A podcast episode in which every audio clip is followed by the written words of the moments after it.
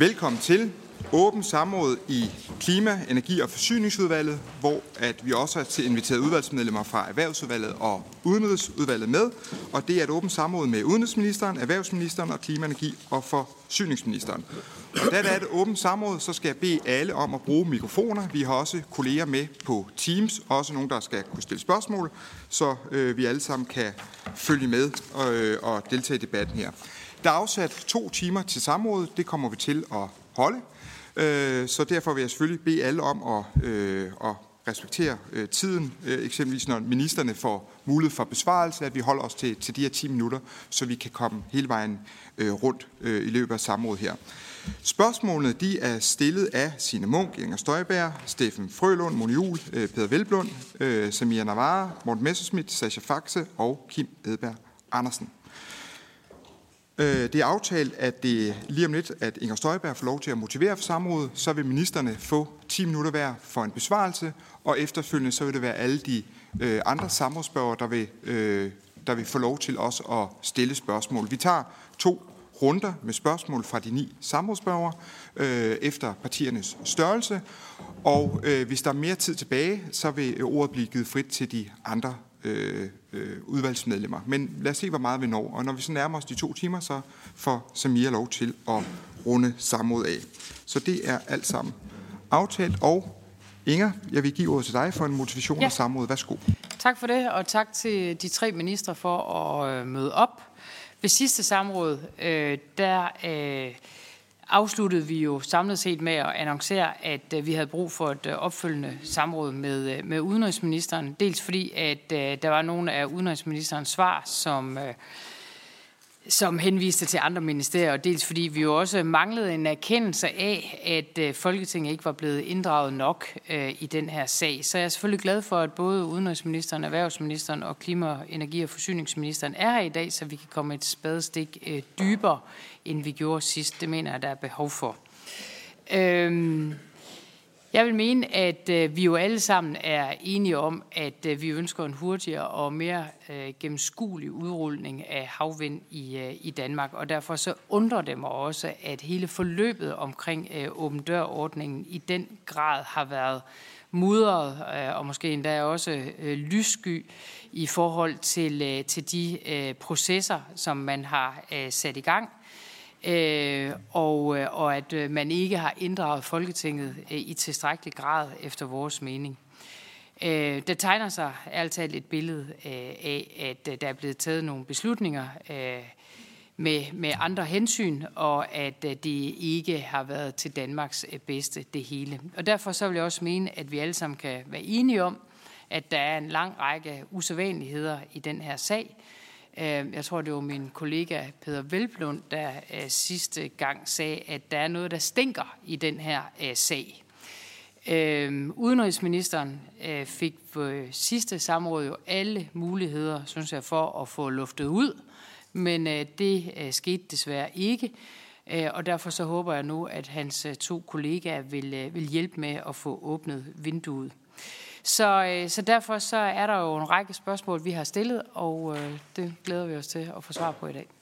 Mange tak for motivationen. Jeg starter med at give ordet til udenrigsministeren. Værsgo. Ja, tusind tak for det. Uh, ja, men jeg vil indlede i forhold til spørgsmålet om det midlertidige regeringsudvalg for havvind og arbejde med at uh, prøve at revidere åben dør-ordningen. Det er samme spørgsmål I og H. Og så vil erhvervsministeren besvare spørgsmålet vedrørende forhandlinger af havplanen og arealvurderinger, og endelig vil klima- og energiforsyningsministeren besvare spørgsmålet vedrørende rammer for opsætning af, af havvind. Øh, lad mig starte med at gøre status for arbejdet med åbendørordningen og regeringsplaner for udbygning af, af havvind. Vi har jo øh, arbejdet øh, målrettet øh, på øh, i Danmarks interesse at fastholde vores position som grønt forgangsland – det gælder både klimaaftalens mål om en firedobling af den samlede elproduktion for solenergi og landvind frem mod 2030, og Danmarks historiens største udbud af havvind på op til 14 gigawatt, som offentliggøres i 2024. Øh, regeringen har så i arbejdet med at udarbejde en overgangsordning for OD-ordningen forsøgt at opretholde et momentum for dansk udbygning af havvind. Øh, og det var derfor, jeg var i samråd øh, sidst og, og, og forklarede jo motivationen øh, bag øh, nedsættelsen af det her temporære øh, udvalg. Øh, Det er et arbejde, der har været fokuseret på at understøtte øh, markedsudviklingen og den interesse for at realisere konkrete havvindprojekter, ansøgningerne var udtryk øh, for. Og det, der var øh, vores forhåbning, og vel også markedets, var, at øh, OD-ordningen kunne bidrage til øh, mere vind, og nok så meget øh, mere vind, før det, der ellers ville kunne komme i de her mere øh, planlagte øh, processer. Øh, det har været hele motivet. Det har været at se, om man via øh, den øh, gamle ordning og de ansøgninger, der lå der, øh, så at sige, kunne komme foran kurven, øh, givet alle de udfordringer, øh, der er derude med forsyningskæder og, og, og, og andet. Øh, det var det, der var baggrunden for, at vi øh, forsøgte øh, at genåbne den øh, åbne dør, da den øh, blev øh, smækket i øh, af centraladministrationen. Regeringen har arbejdet med en overgangsordning, trygtestet alle muligheder for at justere øh, på ordningen. Vi har brugt meget energi på det, men må desværre konstatere, at det ikke har vist sig muligt på en måde, som kommer til at give sikkerhed for øget hastighed i havvindsudbygning, og det var det, der var hele motivet, om vi kunne komme foran det, vi ellers havde planlagt. Og derfor har regeringen besluttet at stanse arbejdet med en eventuel overgangsordning. Da der ikke foreligger nogen overgangsordning, der gør det muligt at udbyde de tre tilbageværende arealer, Vikinge Banke, Kadetbanke og Paludan øh, Flak, så vil ansøgerne til de tre projekter modtage afslag. Vi ønsker selvfølgelig fortsat at nyttiggøre Danmarks havvindsressource. Vi har sat os nogle store mål, og vi skal være ufattelig ambitiøse, men vi er også nødt til at tage bestik af, af situationen. Hvis de øh, politiske ambitioner for havvind, vindmøller og solceller på land realiseres, så vil Danmark i 2030 producere så meget grøn strøm, at det kan forsyne omkring 30 millioner husstande, øh, hvilket jo i en parentes øh, nævnt er 10 gange flere end de 3 millioner husstande, vi har i Danmark. Øh, det er jo det, der er ambitionen med det, der ligger på bordet nu. Øh, indtil videre, så er det jo ambitioner, der lever i politiske aftaler. Vi står øh, ret beset i noget, der minder om en øh, skæbnestund, som kan slå revner i vores grønne ambitioner. Der er ret mange udfordringer, de er til at få øje på. Prisen for at opsætte øh, vindenergi er rådet gevaldigt meget i vejret. Der er pres på leverandørkæder, stor international efterspørgsel. Alle planlægger i hele Europa med 2030. Øh, det presser forsyningskæderne. Vi mangler grønne medarbejdere. USA øh, har i den grad åbnet for den grønne pengekasse, øh, og grønne virksomheder kigger i stedet langt mod vest. Øh, løsningen på udfordringerne er således ikke nye mål, men, øh, men handling. Øh, og generelt så kræver det et øh, strategiskifte for vedvarende energi, det vil sige et gearskifte, hvor tempoet på beslutninger sættes op. Hovedopgaven er nu, hvordan den store mængde grønne strøm, der allerede er en del af de politiske ambitioner, som er besluttet frem mod 2030, bliver til noget. Og først og fremmest er der brug for en helt ny tilgang til implementering og nedbrydning af de barriere, der er for grøn omstilling.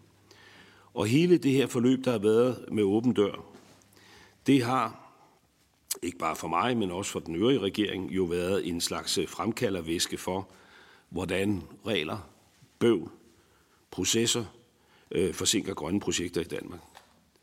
Og derfor er vi nødt til at se på de regler og processer, der i dag både forsinker og fordyrer opstillingen. Regeringen har derfor blandt andet med afsæt i de erfaringer, vi har draget det her arbejde, besluttet at nedsætte et nyt øh, grønt øh, udvalg. Øh, men det er selvfølgelig langt fra gjort med det. Men det er jo en del af det, i virkeligheden et slags grønt øh, økonomiudvalg, øh, som øh, får øh, kan man sige, muskelkraften til at træffe de nødvendige implementeringsbeslutninger. Lige nu er der rigtig mange udbud planlagt med 2030-sigte. Øh, der er derfor brug for at gøre de danske planer for havvind og brintproduktion efter 2030 mere konkrete. Og så er der i de kommende år behov for meget store strategiske og langsigtede investeringer i vores elnet, samt dansk brintproduktion og infrastruktur. Vi kan, øh, vi vil og vi skal nyttiggøre havvindsressourcen, og vi skal sammen med industrien, EU og landene omkring Nordsøen finde nøglen til hvis muligt at forløse værdien af havvinden til gavn for danske forbrugere, virksomheder og klimaet. Øhm, jeg beklager, at det her blev en lidt øh, lang øh, indledning. Men i virkeligheden er det det, øh, der hele tiden har været sagens kerne for mig. Hvis det stinker af noget, så stinker det af en ambition om at komme i mål med den grønne omstilling, øh, og undgå det, der kunne være en risiko, nemlig en maveplasker, hvor vi har meget høje mål, men ikke får dem realiseret. Det synes jeg øh, er den interessante diskussion, og det håber jeg, vi får mulighed for at diskutere videre med hinanden på et andet tidspunkt. Så er de konkrete spørgsmål. Spørgsmål øh, I. Øh, vil ministeren oplyse, om det efter nedsættelse af regeringens havvindsudvalg blev udarbejdet mere uddybende notater til udvalget om potentialet i den reviderede åben dørordning, som blev præsenteret for regeringens havvindsudvalg herunder en øh, uddybet mulig tidsplan, og vil ministeren i givet fald dele indholdet af disse notater med udvalget. For så vidt angår det spørgsmål, har jeg noteret mig, at spørgerne ønsker indsigt i materiale fra det midlertidige regeringsudvalg for havvind. Og her skal jeg henvise til, at det er op til den til enhver tid siddende regering at tilrettelægge arbejdet, som man finder det mest hensigtsmæssigt. Jeg kan i den forbindelse henvise til besvarelsen fra øh, Klima-, Energi- og Forsyningsministeren spørgsmål 22, oversendt til udvalget forud for seneste samråd den 25. oktober. Den nuværende regering er, ligesom tidligere danske regeringer, ud fra et hensyn til regeringens interne beslutningsproces, meget tilbageholdende med at referere fra interne regeringsdrøftelser, samt oversende interne og regeringsinterne dokumenter til Folketinget. Det i spørgsmålet nævnte materiale vil derfor ikke blive oversendt til Folketinget. Så er der spørgsmål H, hvor jeg har noteret mig, at spørgerne ønsker indsigt i de faglige vurderinger, der gik forud for udformningen af OD-overgangsordningen. Klima-, energi- og forsyningsministeren vil i sin besvarelse redegøre for rammerne for udbygning af havvind og generelle rammevilkår. Jeg kan dog, som jeg netop har redegjort for, konstatere, at der ikke foreligger en revideret åben dør-ordning, i det der ikke har været muligt at udarbejde en overgangsordning, der sikrer øget hastighed i havvindsudbygning. Jeg kan generelt øh, henvise til mit besvarelse fra samrådet den 25. oktober, hvoraf det fremgår, at regeringen den 29. marts 2023 blev forelagt en sag om videre håndtering af OD. Sagen gennemgik den hidtidige juridiske vurdering af åben dørordningen og foreslog en række elementer, som kunne være samlede svar på en ny ambitiøs havvindsudbygning i lyset af lukningen af åben dørordningen. Sagen indeholdt hverken forslag til lynudbud eller en tidsplan for udbud og opstilling. Derimod inkluderede den forslag om en række overordnede elementer. Der var således ikke tale om et forslag om en ny ordning med lynudbud, der umiddelbart kunne igangsættes, men udmelding af en intention. Og det var baggrunden for, at regeringen øh, øh, valgte at nedsætte et midlertidigt regeringsudvalg for havvind, som skulle se på muligheden for at udarbejde en overgangsordning, sådan at de projekter, der lå på bordet, havde en mulighed for i et eller andet omfang at blive realiseret med den effekt, at vi ville få noget op at stå tidligere end ellers. Det er det arbejde, der nu er afsluttet, desværre jo altså på en nedslående måde uden øh, resultat. For besvarelse af øvrige samrådsspørgsmål, så giver jeg ordet videre til erhvervsministeren og herefter til klima-, energi- og forsyningsministeren. Tak. Mange tak for det. Så giver jeg ordet til øh, erhvervsministeren. Værsgo. Yes, tak for det, øh, formand, og tak for os herfra for indkaldelsen til øh, samrådet. Øh, jeg vil besvare samrådsspørgsmål G og K samlet. I samrådsspørgsmål G, der spørges der til vurderingen af de ansøgte arealer, og I vil som øh, ressortansvarlig for havplanen redegøre for de faglige vurderinger, der blev gennemført i foråret 2023. Øh, den del af samrådsspørgsmål G, øh, der vedrører orienteringen af aftalekredsen for åben dørordningen, den besvares af min kollega klima-, energi- og forsyningsministeren. Og spørgsmål om de konkrete ordninger herunder åben dørordningen og beslutningen om øh, de konkrete udlæg i øh, havplanen vil ligeledes øh, blive besvaret af klima-, energi- og forsyningsministeren. Erhvervsministeriets og min vej, så at sige, ind i den her sag, det var statsstøtteproblematikken ved øh, åben dør-ordningen og havplanen. Øh, som det nok er bekendt, så huser øh, Erhvervsministeriet det, der hedder statsstøttesekretariatet, øh, øh, som rådgiver regeringen og alle ressortministerier om statsstøtte.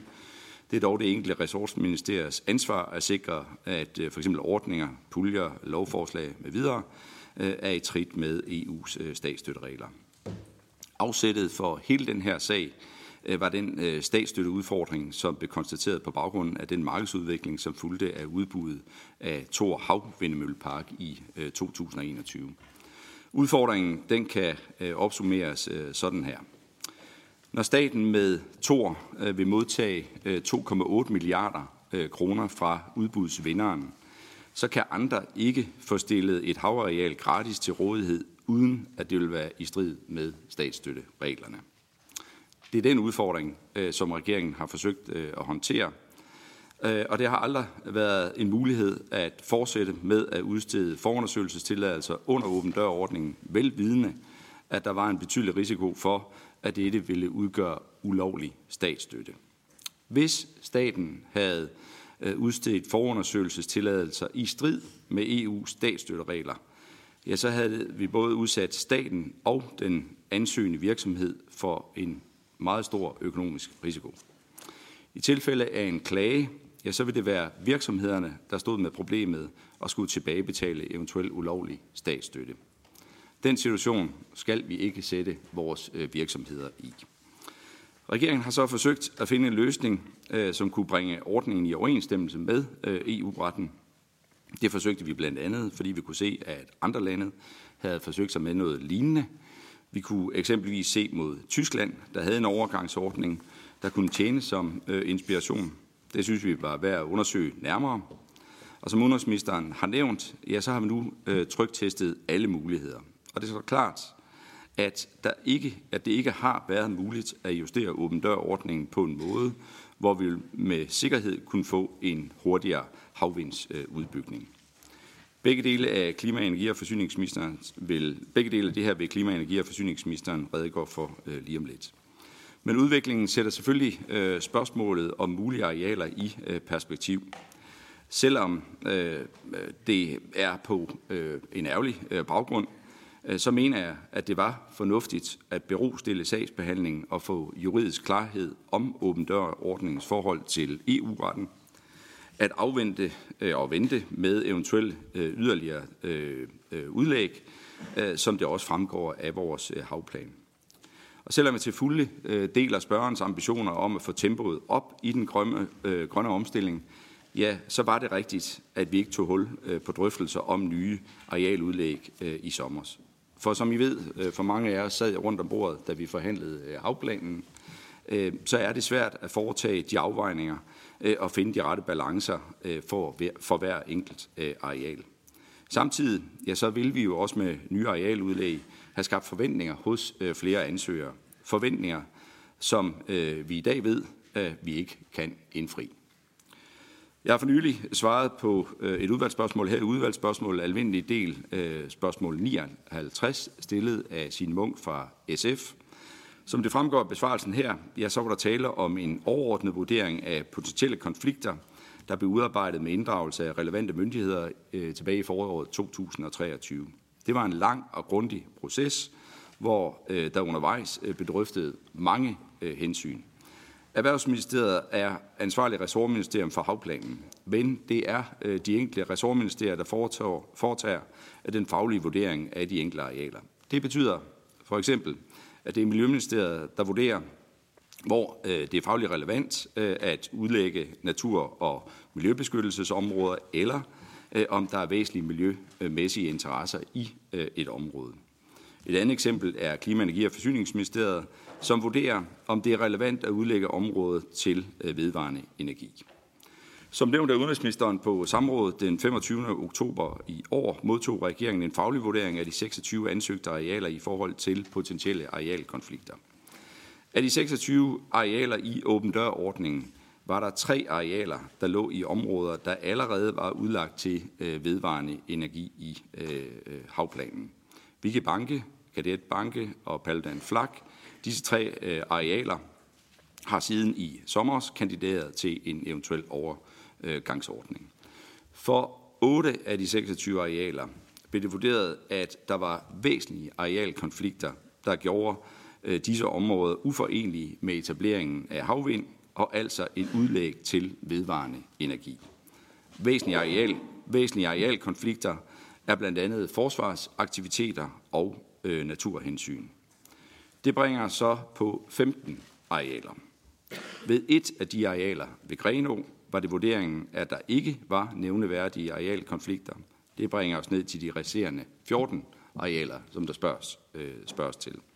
Og som det fremgår af svaret på udvalgsspørgsmålet, så almindelig del spørgsmål 59, så blev det ved myndighedsgennemgangen konstateret, at der også på disse områder var arealkonflikter. Det vil sige, andre arealinteresser, som ikke umiddelbart var forenlige med opsætningen af havvind. Graden af arealkonflikter på øh, de 14 områder varieret, øh, og der var forskellige hensyn, interesser og konflikter i større eller mindre grad. Det er det, man kan læse om i detaljer øh, i øh, svaret på udvalgsspørgsmål 59. Som nævnt i min indledning valgte vi ikke at gå videre med nye arealudlæg, øh, da der ikke var klarhed over åben dørordningen.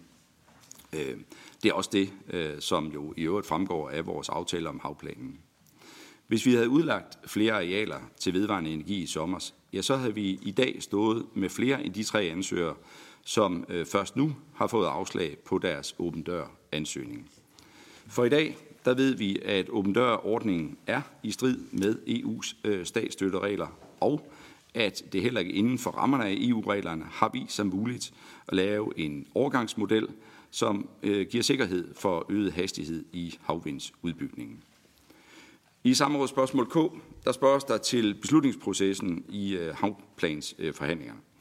I regeringen der står vi selvfølgelig på mål for øh, forhandlingsforløbet, øh, og selvfølgelig også det, der står i aftalen om havplanen. Som det fremgår af aftalen, ja, så var, der, øh, så var de nærmere rammer omkring åben dør-ordningen på det tidspunkt under afklaring.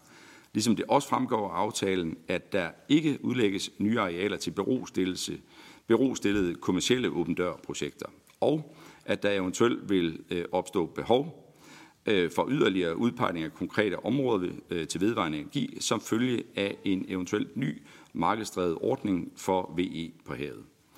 Aftalen om havplanen er i sig selv en bred og historisk aftale, som jeg faktisk også her i dag gerne vil benytte lejligheden til at takke alle Folketingets partier for at stå bag. For de her afvejninger af mange interesser på havet er svære, øh, men det lykkedes os jo faktisk på tværs af alle partier i Folketinget at finde en balance sammen og endda øh, gøre det i en god dialog i fællesskab. Derudover så har vi i fællesskab sat nogle meget ambitiøse målsætninger for vedvarende energi ved at udlægge jo altså 30 procent af arealet til netop det. Samtidig så har vi prioriteret forholdene til forsvaret og de mange arbejdspladser, der eksempelvis er knyttet til vores øh, fiskerierhverv. Ligesom vi ved aftalen jo altså også har taget vigtige og afgørende hensyn til øh, vores natur. Så jeg er utrolig glad for, at vi har fået en bred og ambitiøs aftale om øh, Danmarks havplan. Der er ingen som helst tvivl om, at med den, der kan vi bygge videre på øh, den grønne øh, omstilling, og det kan vi gøre både til gavn for klimaet, for danske arbejdspladser og ikke mindst vores lands øh, styrkepositioner inden for øh, den grønne industri, som udenrigsministeren rigtig nok sagde, øh, lige nu står over for nogle helt nye og meget aktuelle udfordringer. Tak for ordet. Tak til erhvervsministeren. Så giver ordet til klima-, energi- og forsyningsministeren. Ja, tak for ordet og til udvalgsmedlemmerne for spørgsmålene. For regeringen er ambitionen klar. Vi vil udnytte vores vinds ressourcer, solens energi og stærke danske grønne kompetencer til at gøre Danmark til et land, der ikke blot producerer grøn energi til os selv og for vores egen skyld, men til et land, der kan eksportere grøn strøm og grønne brændsler til vores nabolande og resten af Europa, så de også kan bekæmpe klimaudfordringerne, så de også kan få øh, den nødvendige energisikkerhed. Den ambition er intakt. Det er den ambition og ønsket om at sikre hastighed, der har drevet regeringens vedholdende arbejde med at trygteste alle muligheder for at justere OD-ordningen inden for rammerne af EU-reguleringen. Vi hørte branchen sige, at med åben dørordningen kunne vi få mere havvind hurtigt, måske allerede i 2028. Det ønske delte regeringen, og jeg husker, at flere oppositionspartier og branchen med videre opfordrede regeringen til at gøre alt for at få den lukkede dør åbnet igen. Det er det, vi har forsøgt. Jeg er også sikker på, at havde regeringen valgt ikke at undersøge dette til bunds, havde oppositionspartierne stået klar med kritik af det fravalg. Sådan er politik. Sagen har været højt prioriteret internt i regeringen, og der har ikke været nogen lette løsninger.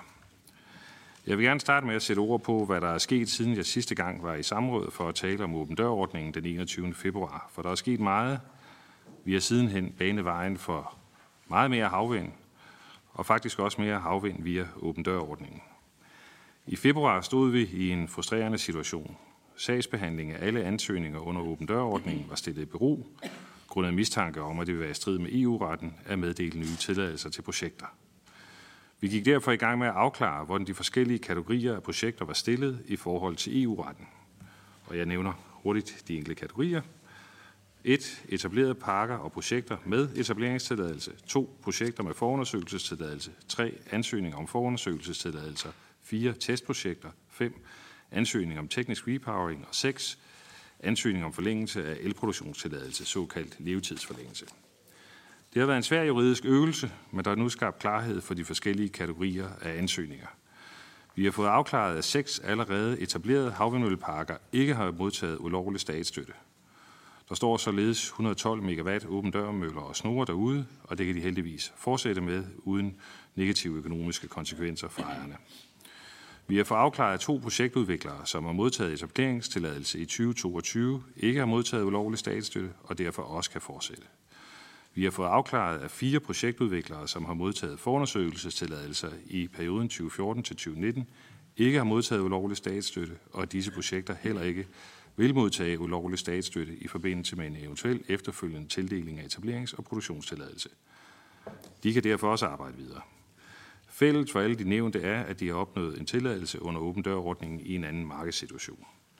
Vi har dermed samlet set givet grønt lys til at fortsætte sagsbehandlingen af ansøgninger, der kan føre til yderligere 1 gigawatt havvind, grøn strøm nok til 1 million husstande. I dag har Danmark installeret 2,3 gigawatt havvind. Det blev derimod i slut marts afklaret, at det vil være i strid med EU's statsstøtteregler at meddele nye forundersøgelsestilladelser under den gældende åben dørordning. Det skyldes, at vi i markedet i dag har en situation, hvor blandt andet toudbuddet har vist, at den ene ret til at udvikle havvind kan have en værdi, Derfor kan man ikke tildele en sådan ret efter et først til mølleprincip.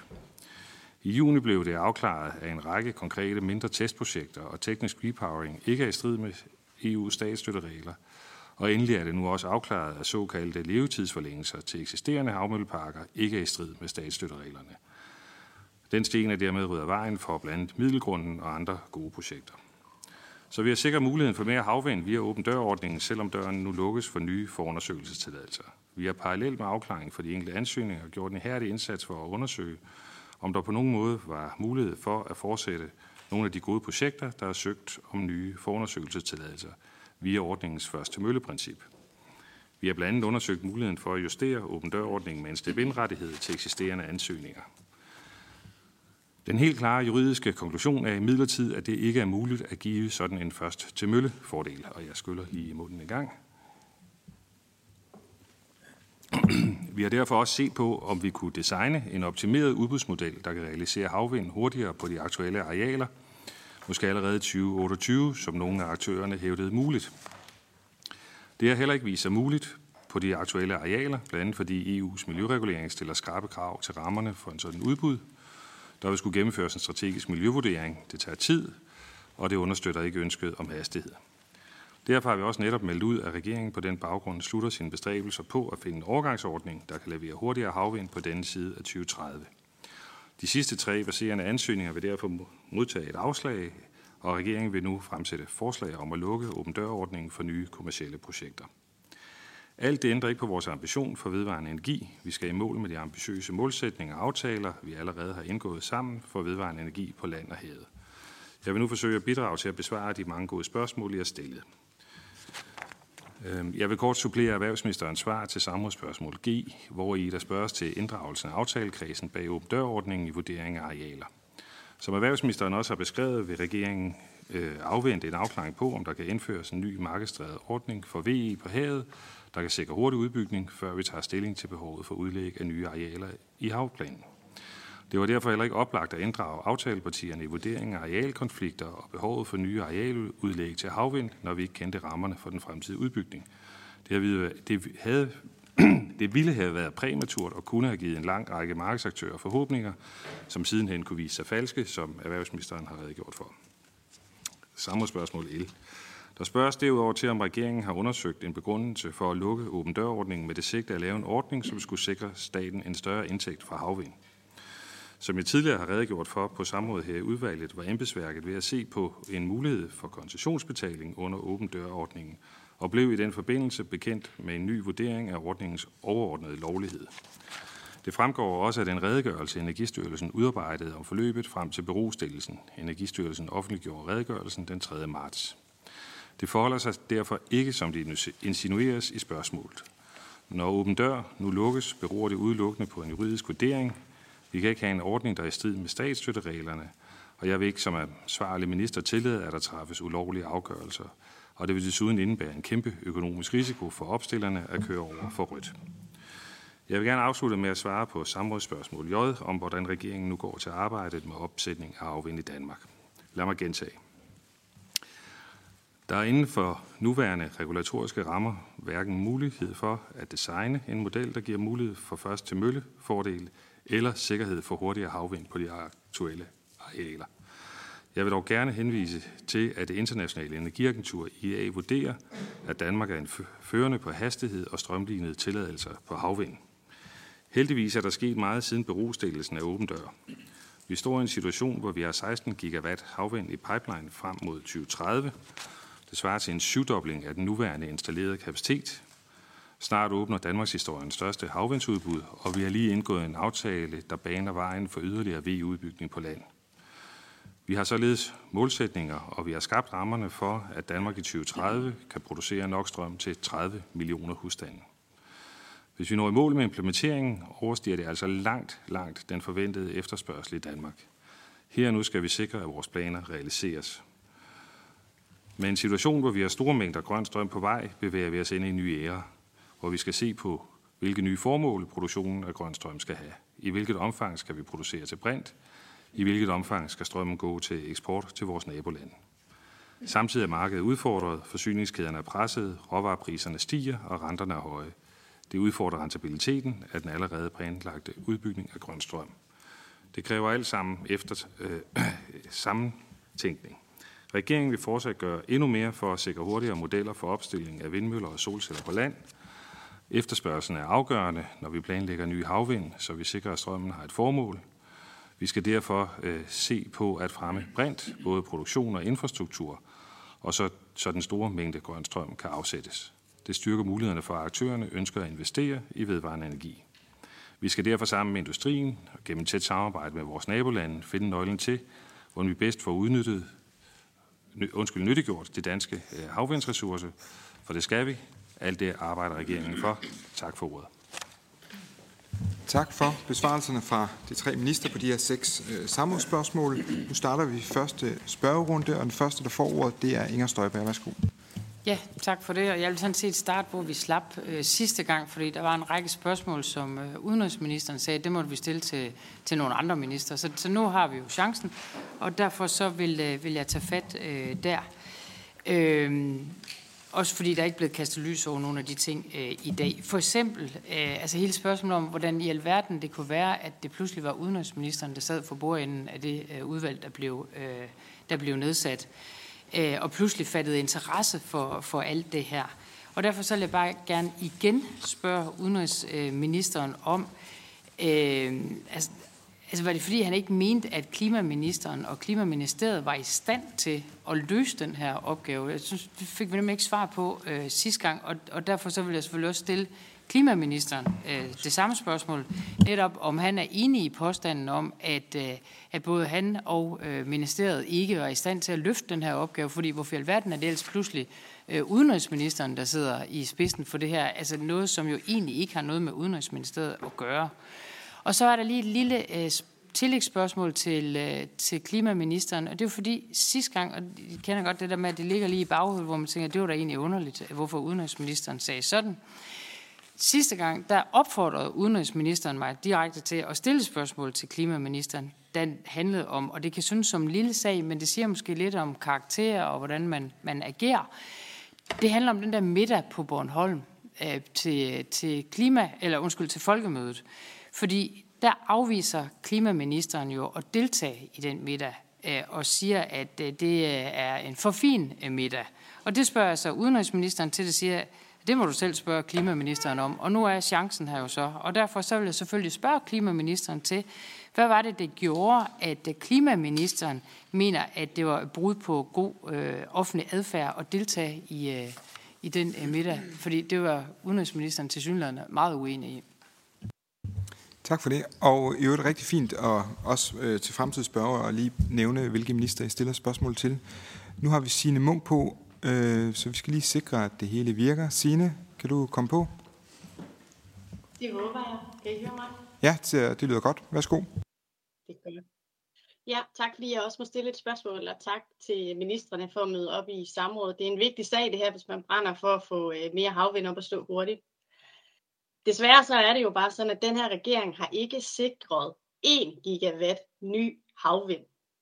Regeringen har implementeret beslutninger, der er truffet af et bredt folketing i energiaftalen i 2022, altså som blandt andet vedrører de 9 gigawatt havvind, som er sendt i udbud øh, i år, og den overplanting mulighed, der er. Så den pipeline af havvind, som klimaministeren blandt andet henviser til, er jo ikke en pipeline, der er bygget af regeringen, den er bygget på tidligere energiaftaler. Udenrigsministeren har både til citat og også øh, på sidste samråd sagt, at øh, regeringen vil have etableret så meget havvind som muligt. Og derfor så er det mig en stor undring, at når regeringen nu lukker åben dørordning med de faglige argumenter for embedsværket, der måtte ligge bag, hvorfor regeringen så ikke iværksætter et udbud af ny havvind. Der er tre arealer, som også erhvervsministeren nævnte. Det er Vikingbanke, Kadetbanke og Paludan Flak. De er udlagt til havvind i havplanen. De kan udbydes med det samme ved almindelige havvindsudbud, som vi kender dem, som vi ved, der er medhold øh, i EU statsstøtte øh, lovgivning. Så mit spørgsmål er kort og godt til udenrigsministeren. Hvis regeringens interesse er at få etableret så meget havvind som muligt, hvorfor bliver de her tre arealer så ikke udbudt til havvind nu? Mange tak. Jeg giver ordet til udenrigsministeren først for en besvarelse. Ja, tak for det. Øh, I forhold til det første øh, spørgsmål. Øh, hvorfor sad jeg på bordenden af det udvalgsarbejde? Det gjorde jeg, fordi vi besluttede det i regeringen. Det er jo sådan set øh, derfor. Øh, og det hænger jo sammen med det, som Signe Munk egentlig også er inde på. Nemlig, at øh, det her land er karakteriseret ved at have et meget højt ambitionsniveau, øh, og så er der også en implementeringsmæssig udfordring. Øh, og man kan forsøge at vende det her lige så meget på hovedet, som man vil, og det må jo være, fordi man selv sådan går og tænker øh, over, hvad der kan motivere en til at træffe politiske beslutninger. Jeg kan bare sige, at, øh, at det, der var situationen i regeringen, det er, at regeringen ønsker et højt ambitionsniveau. Regeringen bliver mødt med, at nogle åben dørordninger bliver lukket ned ud fra en faglig vurdering af, at der er rødt lys, det kan ikke lade sig gøre EU-retligt. Med den konsekvens, at projekter, der ellers ville kunne være kommet ind i en implementeringsfase med en større hastighed, ikke kunne komme ind i en implementeringsfase med en større hastighed. Og derfor handler det ikke kun om, hvor meget grøn strøm, det handler om, hvornår grøn strøm. Også i forhold til at bevare en dansk styrkeposition. Det er sådan set baggrunden for, at regeringen, da centraladministrationen når den nedslåede konklusion, at øh, OD-ordningen ikke kan lade sig gøre, siger, det vil vi gerne udfordre. Det vil vi gerne udfordre. Det hedder politik. Det hedder at stå på mål for sine ambitioner, og ikke lade sig stoppe af den første og den bedste øh, hurdle, man, man kører ind i. Det er baggrunden for, at man beslutter i regeringen at nedsætte et tværministerielt udvalg, som rummer de discipliner, der skal til for at prøve at udfordre, om der alligevel kan findes vej frem. Og det sidder jeg så i spidsen for som øh, en øh, af deltagerne i regeringsledelsen, øh, og Udenrigsministeriet er øvrigt uhyre relevant, fordi det handler om EU-retten.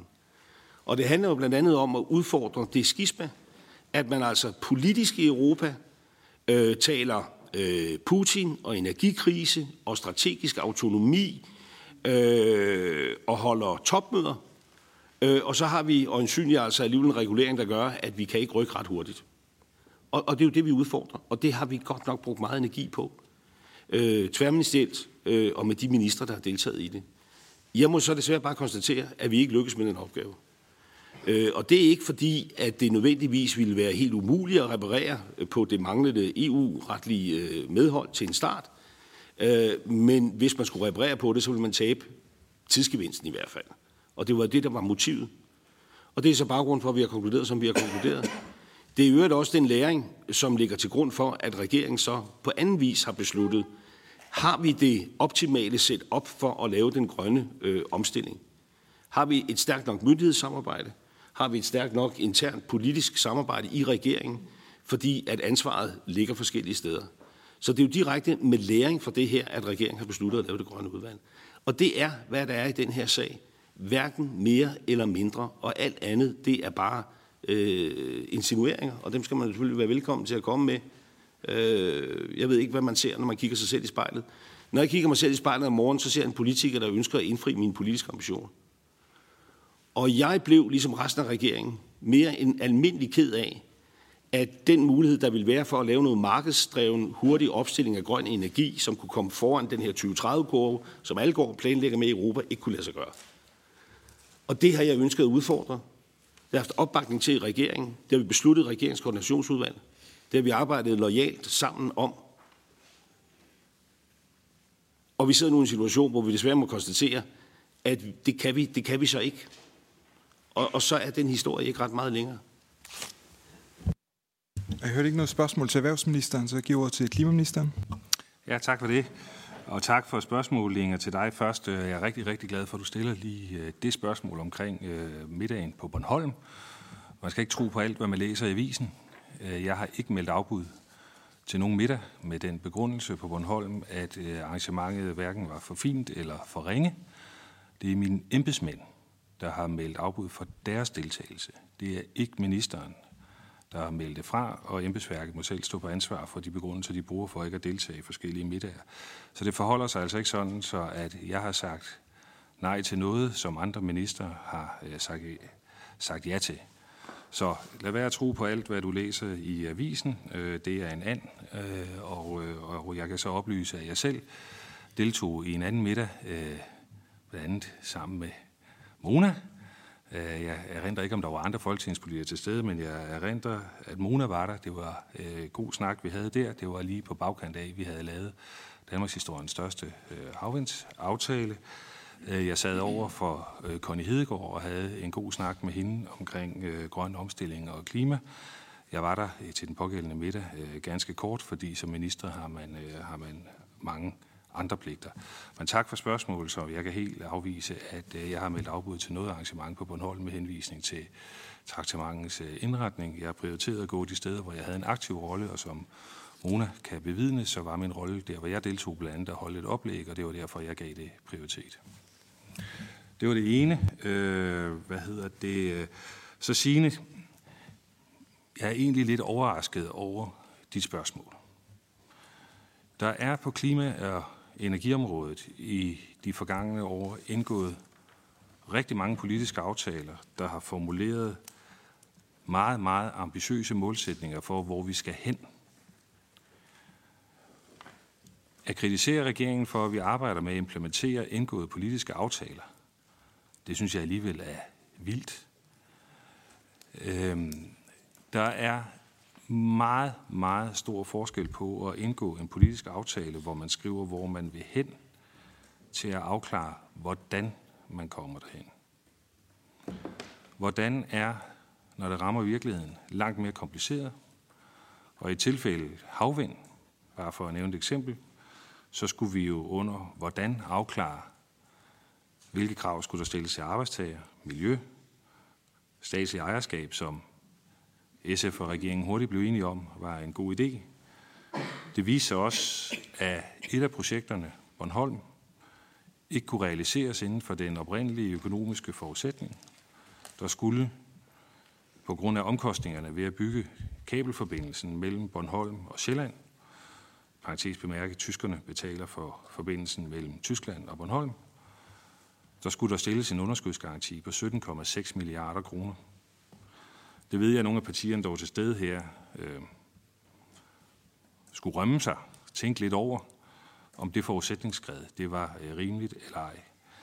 Så øh, i min optik, regeringsoptik, så handler det i de år, vi er i nu, om at finde ud af, hvordan vi realiserer målsætningerne. 9-14 gigawatt på havet, firedobling på land, grøn strøm ekstra kapacitet de næste seks år, svarende til 25 millioner husstande. Det er en ekstrem stor udbygning, og det er det, vi skal samle kræfterne om at få til at ske. Det gjorde vi blandt andet i sidste uge ved at indgå en aftale med en hel del af Folketingets partier omkring energiparker og øget kompensation. Desværre, det er hvordan. Det er ikke at holde skoletaler om hvorhen. Tak for det. Så giver jeg ordet til Mona Jul. Værsgo. Tak for det, og tak for, at øh, ministerne stiller op. Jeg har jo rigtig mange spørgsmål, øh, fordi hver gang, at vi mødes, så øh, får man jo nye spørgsmål, og man har jo også bare lyst til at kommentere øh, tilbage, og det er jo så det uhensigtsmæssige ved et samråd, det er, at den, der lige har spurgt, ikke kan stille et nyt spørgsmål, eller rette det, der er blevet sagt. Men jeg kaster mig ud i det alligevel her, for det er del med en alvorlig sag, og må bare konstatere, at vi sidder her et år efter, at øh, regeringen første gang begyndte at tale om en åben dør, øh, måske ikke skulle det, vi havde regnet med. Og jeg tænker lidt, at vi har spildt et år, og det er jeg del med godt nok ulykkelig over, øh, ligesom jeg kan se, at det er der også investorer og interesser, der begynder at sige, hey, det her det går simpelthen ikke. Så lad mig starte med udenrigsministeren, der, der jo også erkender, at det, vi står med et resultat, som udenrigsministeren og regeringen jo heller ikke er tilfreds med. Men er der lavet nogle fejl i forbindelse med den undersøgelse, der har været, i de arbejder, der har været? Har man været en lille bitte smule naiv i forhold til, når nu der bliver sagt, at øh, man er blevet eller har man blevet overrasket over det byråkrati og det administrative bøvl, der er i forbindelse med opsætning af VE? Fordi det er der rigtig mange andre, der på ingen som helst måde kan nogensinde have været overrasket over. Det andet i forhold til, at udbud ved Tor, øh, det blev en dyr affære, kan man jo konkludere, fordi at staten her fik, øh, fik penge ind, og det var et spor, der var rigtig mange, der gerne ville øh, følge. Men det kan jo have været en dyr affære, men her bliver det lagt frem fra erhvervsministerens side, som om, at så er det der, at hele øh, statsstøtteregelsnakken, den starter.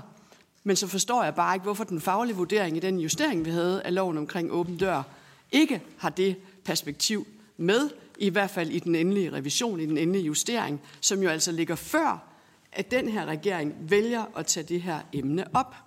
Så der er et eller andet galt i den øh, tidslinje, synes jeg.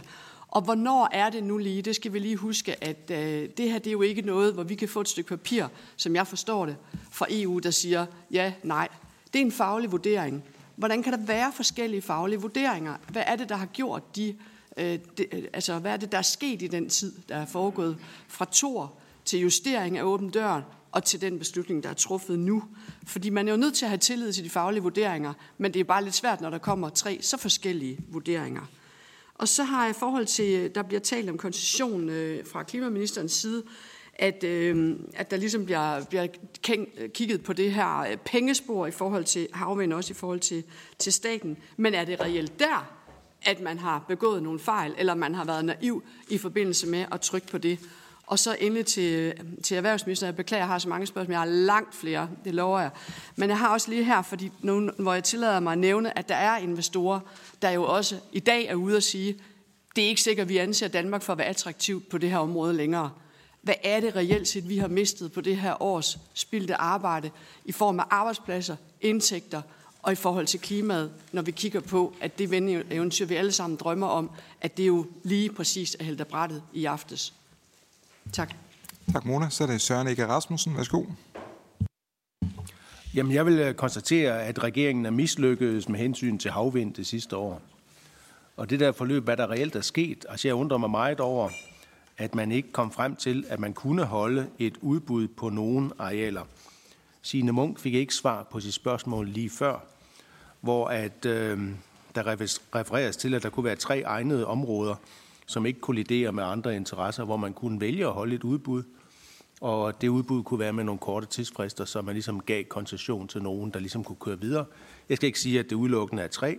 Jeg noterede mig også i den redegørelse, der blev givet, at der var et område ud fra Grenå, som åbenbart ikke kolliderede med noget.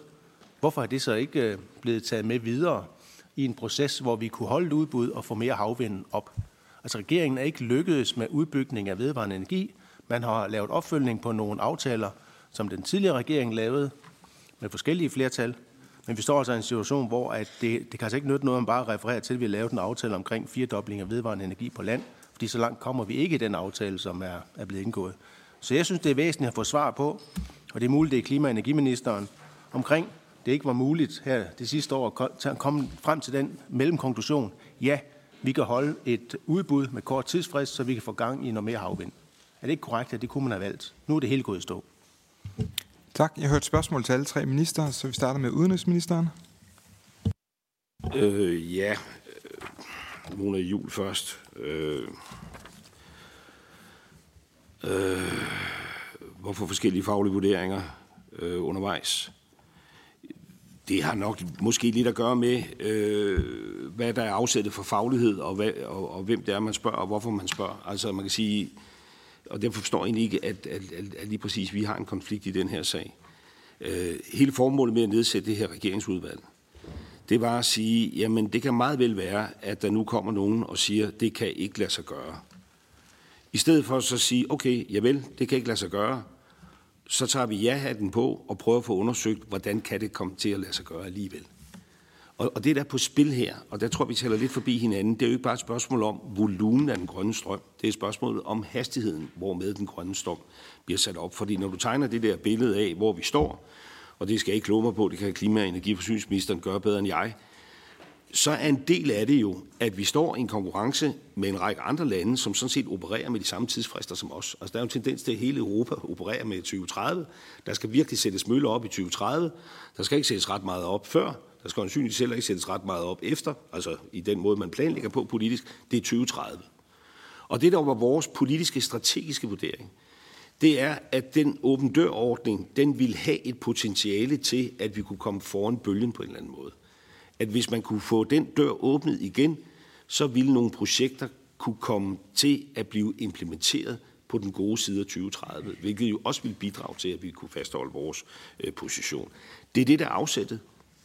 Det er jo derfor, at, øh, at vi har lavet et format, hvor vi måske er gået ind i et lidt højere niveau i kommissionen, end det, man har afdækket, da man skrev de oprindelige papirer om, hvad kan lade sig gøre og hvad ikke kan lade sig gøre. Og det vi fandt ud af i det arbejde undervejs, det var jo, at den der dør nødvendigvis ikke var hermetisk lukket. Altså, men hvis den skulle åbnes, ville det være med en forskellig konditionalitet. Og det er jo det, vi har afsøgt undervejs.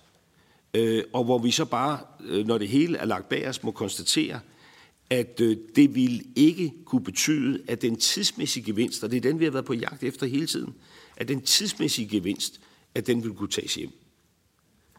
Det er, hvad det her handler om. Altså, det er en regering, der har forsøgt at gøre sit arbejde, og så kan man sige, at vi ikke lykkes med det. Øh, og det skal være den første at beklage.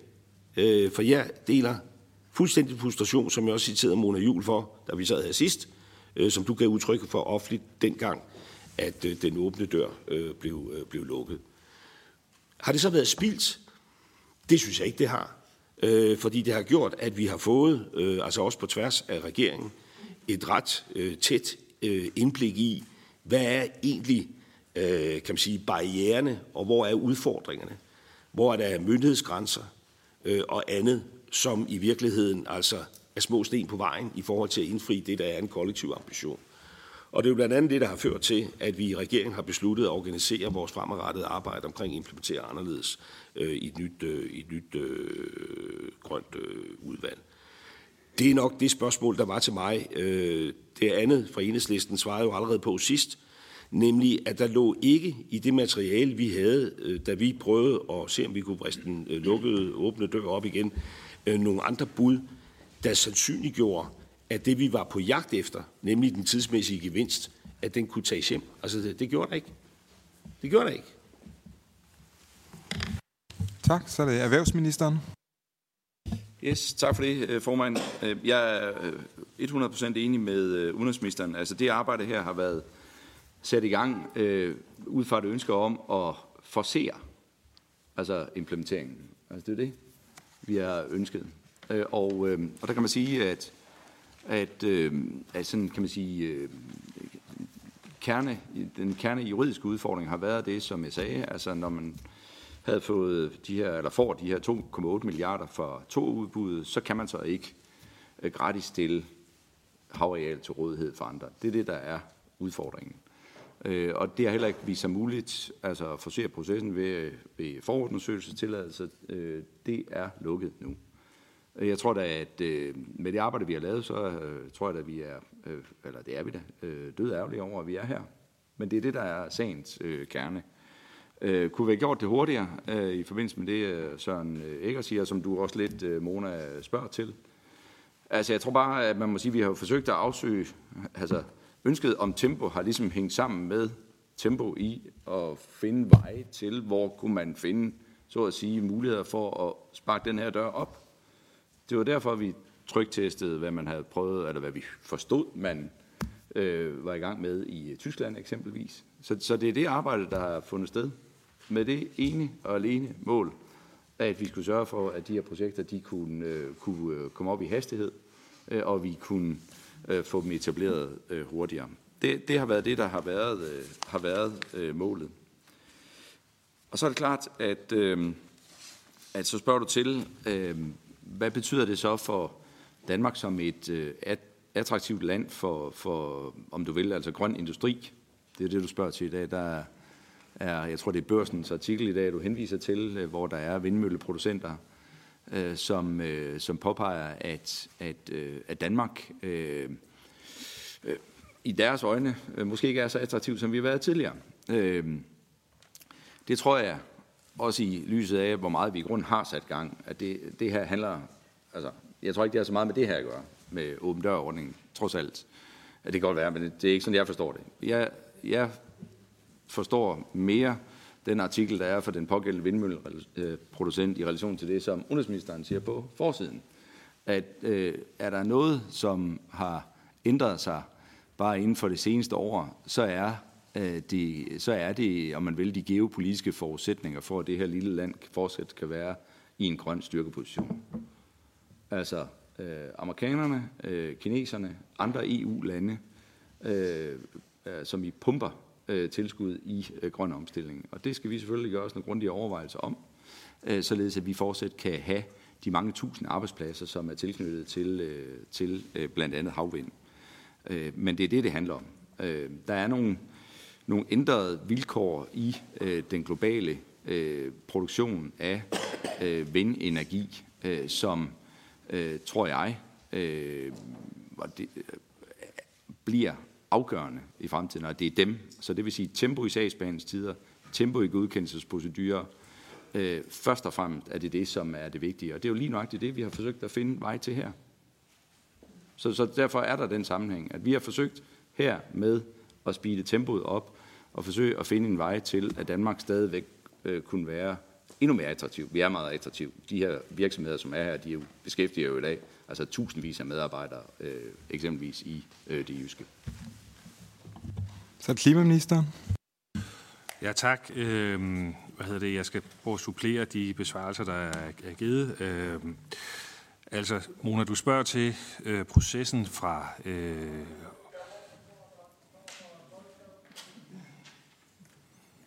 fra medio øh, 22, hvor ordningen blev revideret og frem til berostillelsen. Det er der redegjort for i øh, den redegørelse, som Energistyrelsen har fremsendt. Øh, jeg skal ikke gentage hele redegørelsen, men, men det fremgår af den, at på det tidspunkt, hvor man justerede ordningen, der lavede man kun en vurdering af justeringerne, ikke af ordningen som i sin helhed. Og det er det, man så bliver opmærksom på i løbet af efteråret omkring nytår, at øh, ordningen i sin helhed er udfordret øh, statsstøtteretligt, og det er der redegjort for i den redegørelse, som er, er fremsendt, så det kan vi hverken lægge noget til eller, eller fra. Så nævner du et pengespor. Øh, jeg, jeg er faktisk lidt i tvivl om, hvad det er, du hentyder til med det pengespor, men det er rigtigt, at øh, på det tidspunkt, hvor øh, man rejser en bekymring om ordningen som helhed, det er som led i, at der i centraladministrationen pågår et arbejde på at se, om der kan øh, indføres en betaling for de åben dørarealer. Og det er jo helt, øh, den vurdering nåede aldrig at blive forelagt øh, regeringen. Regeringen har ikke taget stilling til den, før end at øh, den åbne dør så blev lukket på baggrund af indstillingen fra centraladministrationen. Vi kan jo have forskellige politiske øh, vurderinger af, øh, af rimeligheden af, et, øh, af, et, øh, af det, du kalder et pengespor, som jeg opfatter som et spørgsmål om, hvorvidt, at hvis det danske søterritorium har en økonomisk værdi, om så en del af den værdi skal tilfalde fædrelandet, statskassen, eller om den skal tilfalde investorerne. Og det, øh, det øh, spørgsmål, det er jo i høj grad et, et politisk spørgsmål. Regeringen nåede aldrig at tage stilling til det øh, som jeg nævnte. Øh, hvad hedder det? Søren, øh, du spørger til, øh, du opfordrer til, at vi laver et lynudbud. Og der må jeg bare øh, lige gentage, at når vi lukker åben dørordningen, er det fordi, den er ulovlig. Vi har undersøgt mulighederne for at lave en ordning, hvor vi kan lave udbud hurtigere end vores vanlige udbudsmodeller på arealer, der ikke har en forundersøgelsestilladelse, som der altså ikke har været igennem den proces, som når vi laver vanlige udbud. Øhm, det viser sig, at det kan ikke lade sig gøre at gennemføre den proces, og det skyldes jo blandt andet, at der skal laves en strategisk miljøvurdering, der skal øh, gennemføres markedsdialog, der skal afholdes en udbudsproces, og der lå i dit spørgsmål noget om, at man, jeg synes, du antydede, at man kunne holde en udbudsproces, sådan så nogle få kunne byde. Øh, det går ikke. Det skal være ordentligt, for ellers risikerer det at blive påklaget. Der skal jo så laves en investorscreening, før man kan give øh, forundersøgelsestilladelsen. Dernæst så følger der de processer, som øh, den virksomhed, der i givet fald vil vinde forundersøgelsestilladelsen, skal igennem. Der skal undersøges havbunden, der skal ses efter vikingeskibe, og så videre, og så videre, og så videre.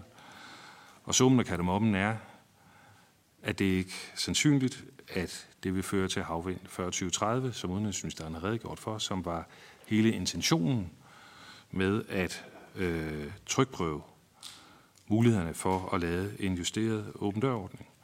Og jeg må bare gentage i min tale, at tænk sig den situation, hvor regeringen ville kunne sidde her og blive beskyldt for, at vi ikke havde trykprøvet det. Mulighederne, så tror jeg, at kritikken havde været øh, stor. Så det er det, der har været vores intention, og det er det, vi har, det, vi har gjort. Tak. Så giver jeg ordet til Samia Narva. Værsgo. Tak. Også tak øh, herfra til ministerne for at stille op. På øh, det seneste samråd, vi havde med udenrigsministeren alene, der blev der sagt, at, citat, så der er jo aldrig noget, der vil kunne slå i hastighed den åbne dør, hvis ikke den var blevet lukket. Citat slut. Og det er samme budskab, som udenrigsministeren øh, gentager i dag der er jeg bare nysgerrig på, som en, der er ret optaget af hastighed, som en, der er enormt optaget af, at vi øh, får stillet øh, de her vindmøller op, så vi kan få elektrificeret. Jeg er nysgerrig på, hvor udenrigsministeren har det her udsagn fra, at det skulle gå hurtigere med den åbne dør, i fald den ikke var blevet smækket i. For er det ikke korrekt, at der ikke er blevet bygget nogen projekter på den gamle åben dør-ordning de seneste 10 år? Og at vi med den seneste havvindsaftale jo har kigget hinanden i øjnene øh, og siger, at det kun vil tage de der 6-7 år, fra der bliver indgået politisk aftale, til møllerne kommer op og snor. Så hvordan kan det være, at udenrigsministeren på det samråd og på nuværende samråd siger, at det havde været hurtigere, øh, hvis ikke den åbne dør var smækket i? Og så til, øh, til klimaministeren, fordi det er ikke noget nyt, det her med at tale om, om lynudbud. I Radikale Venstre, der var vi øh, allerede, da regeringen lagde frem, her er der tale om en øh, ulovlig ordning, der er tale om statsstøtteregler, øh, der bliver overskrevet. Så nævnte vi på samråd med klimaministeren den 21. februar i år, hvad så med et lynudbud? Og der svarede ministeren, citat, det kan jeg ikke gå dybere ind i nu, for der har ikke været nogen regeringsbehandling af det spørgsmål endnu. Citat slut. Og der er altså tilbage i 21. februar i år. Og der er jo gået næsten et år, 10 måneder, og der er ikke sket noget. Hverken med den gamle åben dør, eller den måde, ministerne har afsøgt muligheden for at, at snige sig udenom eller rundt om øh, den her ulovlighed. Og der er jo slet ikke øh, kommet noget nyt på banen. Så jeg vender tilbage til Søren Ægge spørgsmål, Signe Munk spørgsmål. Skulle vi ikke til at komme i gang med det lynudbud? Tak. Så er det Morten Messerschmidt. Værsgo. Tak for det. Mit, mine spørgsmål er alene rettet til udenrigsministeren.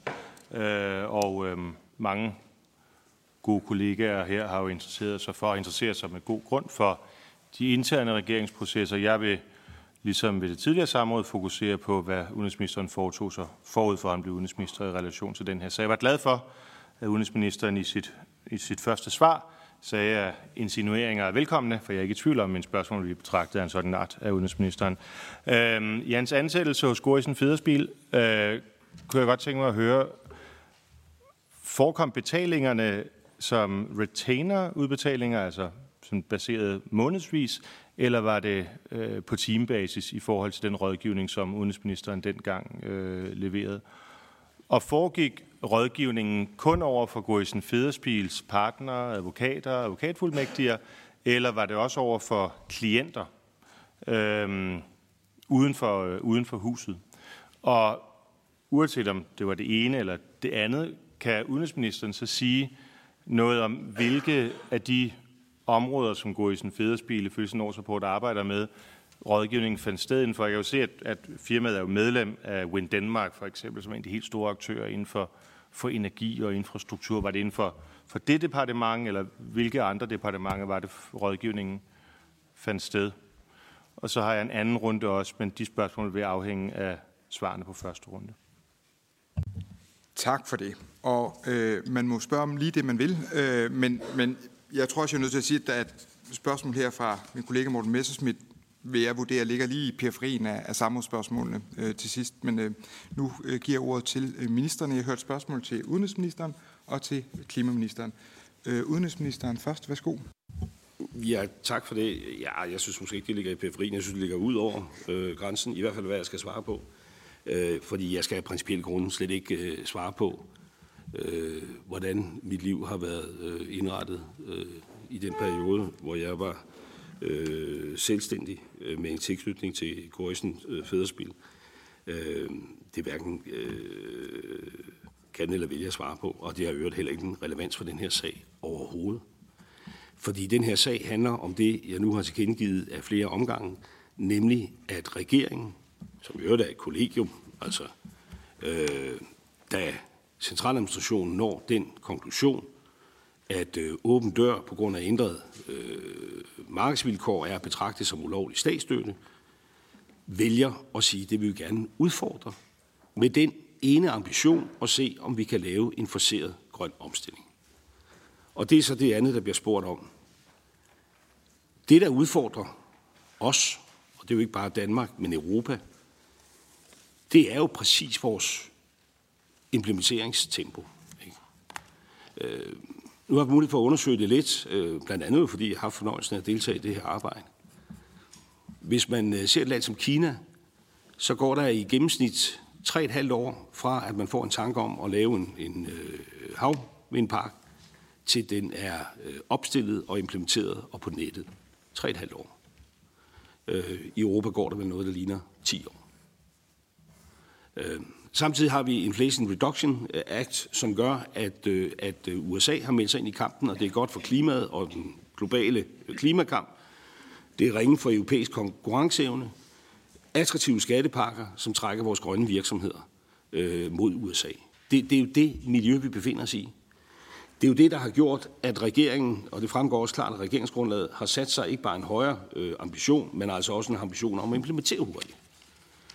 Og det, og det siger sig selv, hvis de øh, markedsaktører, som så at sige altså har opfundet projekterne, øh, kunne have fået en mulighed for at komme øh, hurtigere ind i en øh, implementeringsfase, end det, der ville være tilfældet, hvis man ligesom skulle starte forfra og lave udbud, så ville de, det er jo deres egen vurdering, industriens egen vurdering, så ville de hurtigere kunne komme på plads. Og det, der var øh, sigtelinjen i det arbejde, vi sad med, det var jo en tro på, at kunne vi få åbnet den åbne dør, så kunne vi måske have noget op at stå i 28 frem for 30.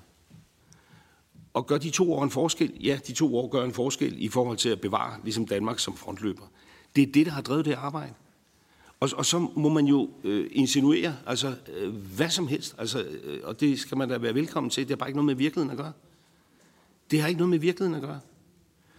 Og det politiske miljø, der gør, at vi gerne vil udfordre det, øh, det bør man vel også kunne tale om, når vi nu er politikere, der er sammen, det er, at man når altså en beslutning om, at det kan ikke lade sig gøre at lave åben dør, fordi der er et statsstøtteproblem. Det gør man så samtidig med, at man i Europa sidder og relancerer statsstøtte. Relancerer statsstøtte på kommissionspræsidentens niveau og siger, at vi er nødt til at introducere europæisk statsstøtte, hvis vi skal bevare konkurrencen. Så man taler altså højt om statsstøtte, man laver nødretsforordninger, man holder topmøder, man taler om europæisk autonomi, og så er der så et projekt her, som ikke kan lade sig gøre, fordi der er et statsstøtteproblem. Så, så er vi politikere, og så siger vi, det der, det vil vi gerne lige have diskuteret og belyst, før vi bare øh, siger javel, og ting kan ikke lade sig gøre. Det er det, der har drevet det her, og, og, og, og ikke andet. Og så kan man spørge til alle mulige middager, der har været og ikke været, og, og så, det er det, der har drevet det. Det er det, der har drevet det. Øh, jeg har oplevet meget i mit liv, men jeg har aldrig oplevet noget, der har været så meget på hovedet som det her. Altså, det må jeg sige. Aldrig oplevet noget, der har været så meget øh, vendt på hovedet som, som, som det her. Jeg er, for at sige det på dansk, jeg blev fny forbandet øh, den torsdag, tror jeg det var, øh, da jeg fik en øh, mundtlig orientering om, at øh, Energistyrelsen den øh, næstfølgende mandag, øh, uden nogen forudgående diskussion i regeringen, ville træffe den her konklusion om, at øh, åben dør er lukket fnyforbandet. Fnyforbandet. Fordi det var i den grad en barriere i forhold til det, der er vores kollektive ambition, nemlig at vi gerne have øh, en forceret øh, omstilling. Øh, det er det, der har været mit motiv for at, at udfordre det. Og der har jeg så haft en glæde, at det har vi set helt ens på i, i regeringen, og i regeringsledelsen, og i regeringskoordinationsudvalg, og sagt, det er, vi nødt, det er vi nødt til at give et skud. Vi, vi er nødt til at prøve på at sætte arbejde i gang for at udfordre det her. Hvis der er et statsstøtteproblem, hvordan kan man så reparere på det? Og kan man reparere på det, enten ved step ind eller på nogle andre modeller inspireret af Tyskland, og kan man reparere på det på en måde, hvor man bevarer, kan man sige, konkurrencefordelen i hastighed. Og det er så det, øh, vi desværre må konstatere, efter at have brugt meget øh, energi på det, og parlamentarisk har det været lettere at lade være, så skulle man ikke sidde her. Øh, der vil man konstatere, at det lader sig ikke gøre. Og den anden mulighed, vi så har nu, det er jo at sige, hvad er det så øvrigt for nogle erfaringer, vi har samlet op i det arbejde, vi har haft på tværs af ministerierne, og så prøve på at få sat det ind i et system, der gør, at vi kan give et strategisk indsvar. Øh, det er jo derfor, vi blandt andet har rejst den her debat, erhvervsministeren og jeg, i medierne i dag, omkring øh, dansk statsstøtte, fordi vi er nødt til at forholde os til den verden, der, der findes. Det er derfor, vi har besluttet at organisere regeringens indre arbejde anderledes ved at lave et nyt øh, grønt udvalg. Det er derfor, at øh, klima-, energi- og forsyningsministeren så sent som sidste uge lavede en politisk aftale, der ser på, hvordan kan man, øh, jeg nær sagt, ligne nogle processer, øh, så man kan få noget hurtigere myndighedsgodkendelse. Det, det er jo alt sammen også produkter fra den erfaring, vi har taget med ned via det her arbejde med at se, om den åbne dør, der blev lukket, eventuelt kunne åbnes igen. Tak, så er det klimaministeren. Ja, tak. Øhm, øh, der bliver brugt begrebet lynudbud, så det tænkte jeg, at vi kunne dvæle en lille bit smule ved. Når vi laver et havvindsudbud, øh, som det vi har aftalt med øh, de øh, op til 14 gigawatt på 2030, så har Energistyrelsen forud sikret gennemførelse af forundersøgelse, miljøvurderinger og udarbejdet udbudsmateriale. Det er en proces, der tager cirka tre år og i nogle tilfælde mere. Ligger man det så til øh, vores forventning på øh, konstruktionstiden, så betyder det, at Danmark, øh, der vil det tage ikke 10, men forventeligt cirka 8,5 år. Og øh, få et havvindsprojekt gennemført, fra man øh, sætter arbejdet i gang, til møllerne står og snor. Det er det, vi har afsøgt, om man i forbindelse med åben dør-projekterne kunne lave en udbudsproces, der kunne slå det. Og som jeg nævnte øh, lige før, øh, så er konklusionen, det kan man ikke. Fordi før at der vil kunne gennemføres eller afsluttes sådan en udbudsproces, så skal der blandt andet foretages en strategisk miljøvurdering af de pågældende arealer, som ikke foreligger. Der skal laves udbudsmateriale. Jeg tænker, vi skulle jo også lige have tid til politisk at forhandle det. Det kunne være, at der var nogen, der havde et ønske om, at øh, for OD-projekterne skulle der gælde nogle af de samme vilkår, som vi har besluttet for øvrige havvind. Så konklusionen er, at det, der omtales som et lynudbud, det er ikke det, som almindelige mennesker vil opfatte som et lynudbud. Det kan ikke slå 8,5 år. Øh, så, så det, der spørges til, det, øh, det findes øh, så ikke. Hvad hedder det? Og derfor så står vi nu der, hvor vi for så vidt angår ønsket om hurtig VE, skal kigge på land. Det er på land, vi kan forsere udbygningen på 2030. Vi kan fjerne de snubletråde og sten, der ligger i vejen for det, og det har vi blandt andet gjort med den aftale, vi indgik i sidste uge omkring energiparker og øget kompensation til naboer. Og regeringen ser for sig, som det også klart er signaleret i den aftale, at det er et arbejde, der skal fortsætte. Vi skal videre med at fjerne snubletråde for VE på land, for det er det, der kan skabe noget hurtigt. Et lyn ude på havet, det er ikke sådan et lyn, som almindelige mennesker tænker, et lyn er. Det er øh, processer, der er øh, lange. Man kan så diskutere om 8,5 år i det danske tilfælde, at det så øh, udtryk for, at vi i Danmark er særlig langsomme eller, eller inkompetente til at gennemføre øh, udbud på havet. Og der vil jeg bare henvise til den seneste landerapport fra det internationale energiagentur, der har evalueret dansk energipolitik. Og en af de ting, de fremhæver som positivt ved os, det er, at vi er, det kan man ikke sige verdensførende i Europa, det lyder mærkeligt, øh, men at vi er førende i Europa i forhold til at gennemføre udbud her.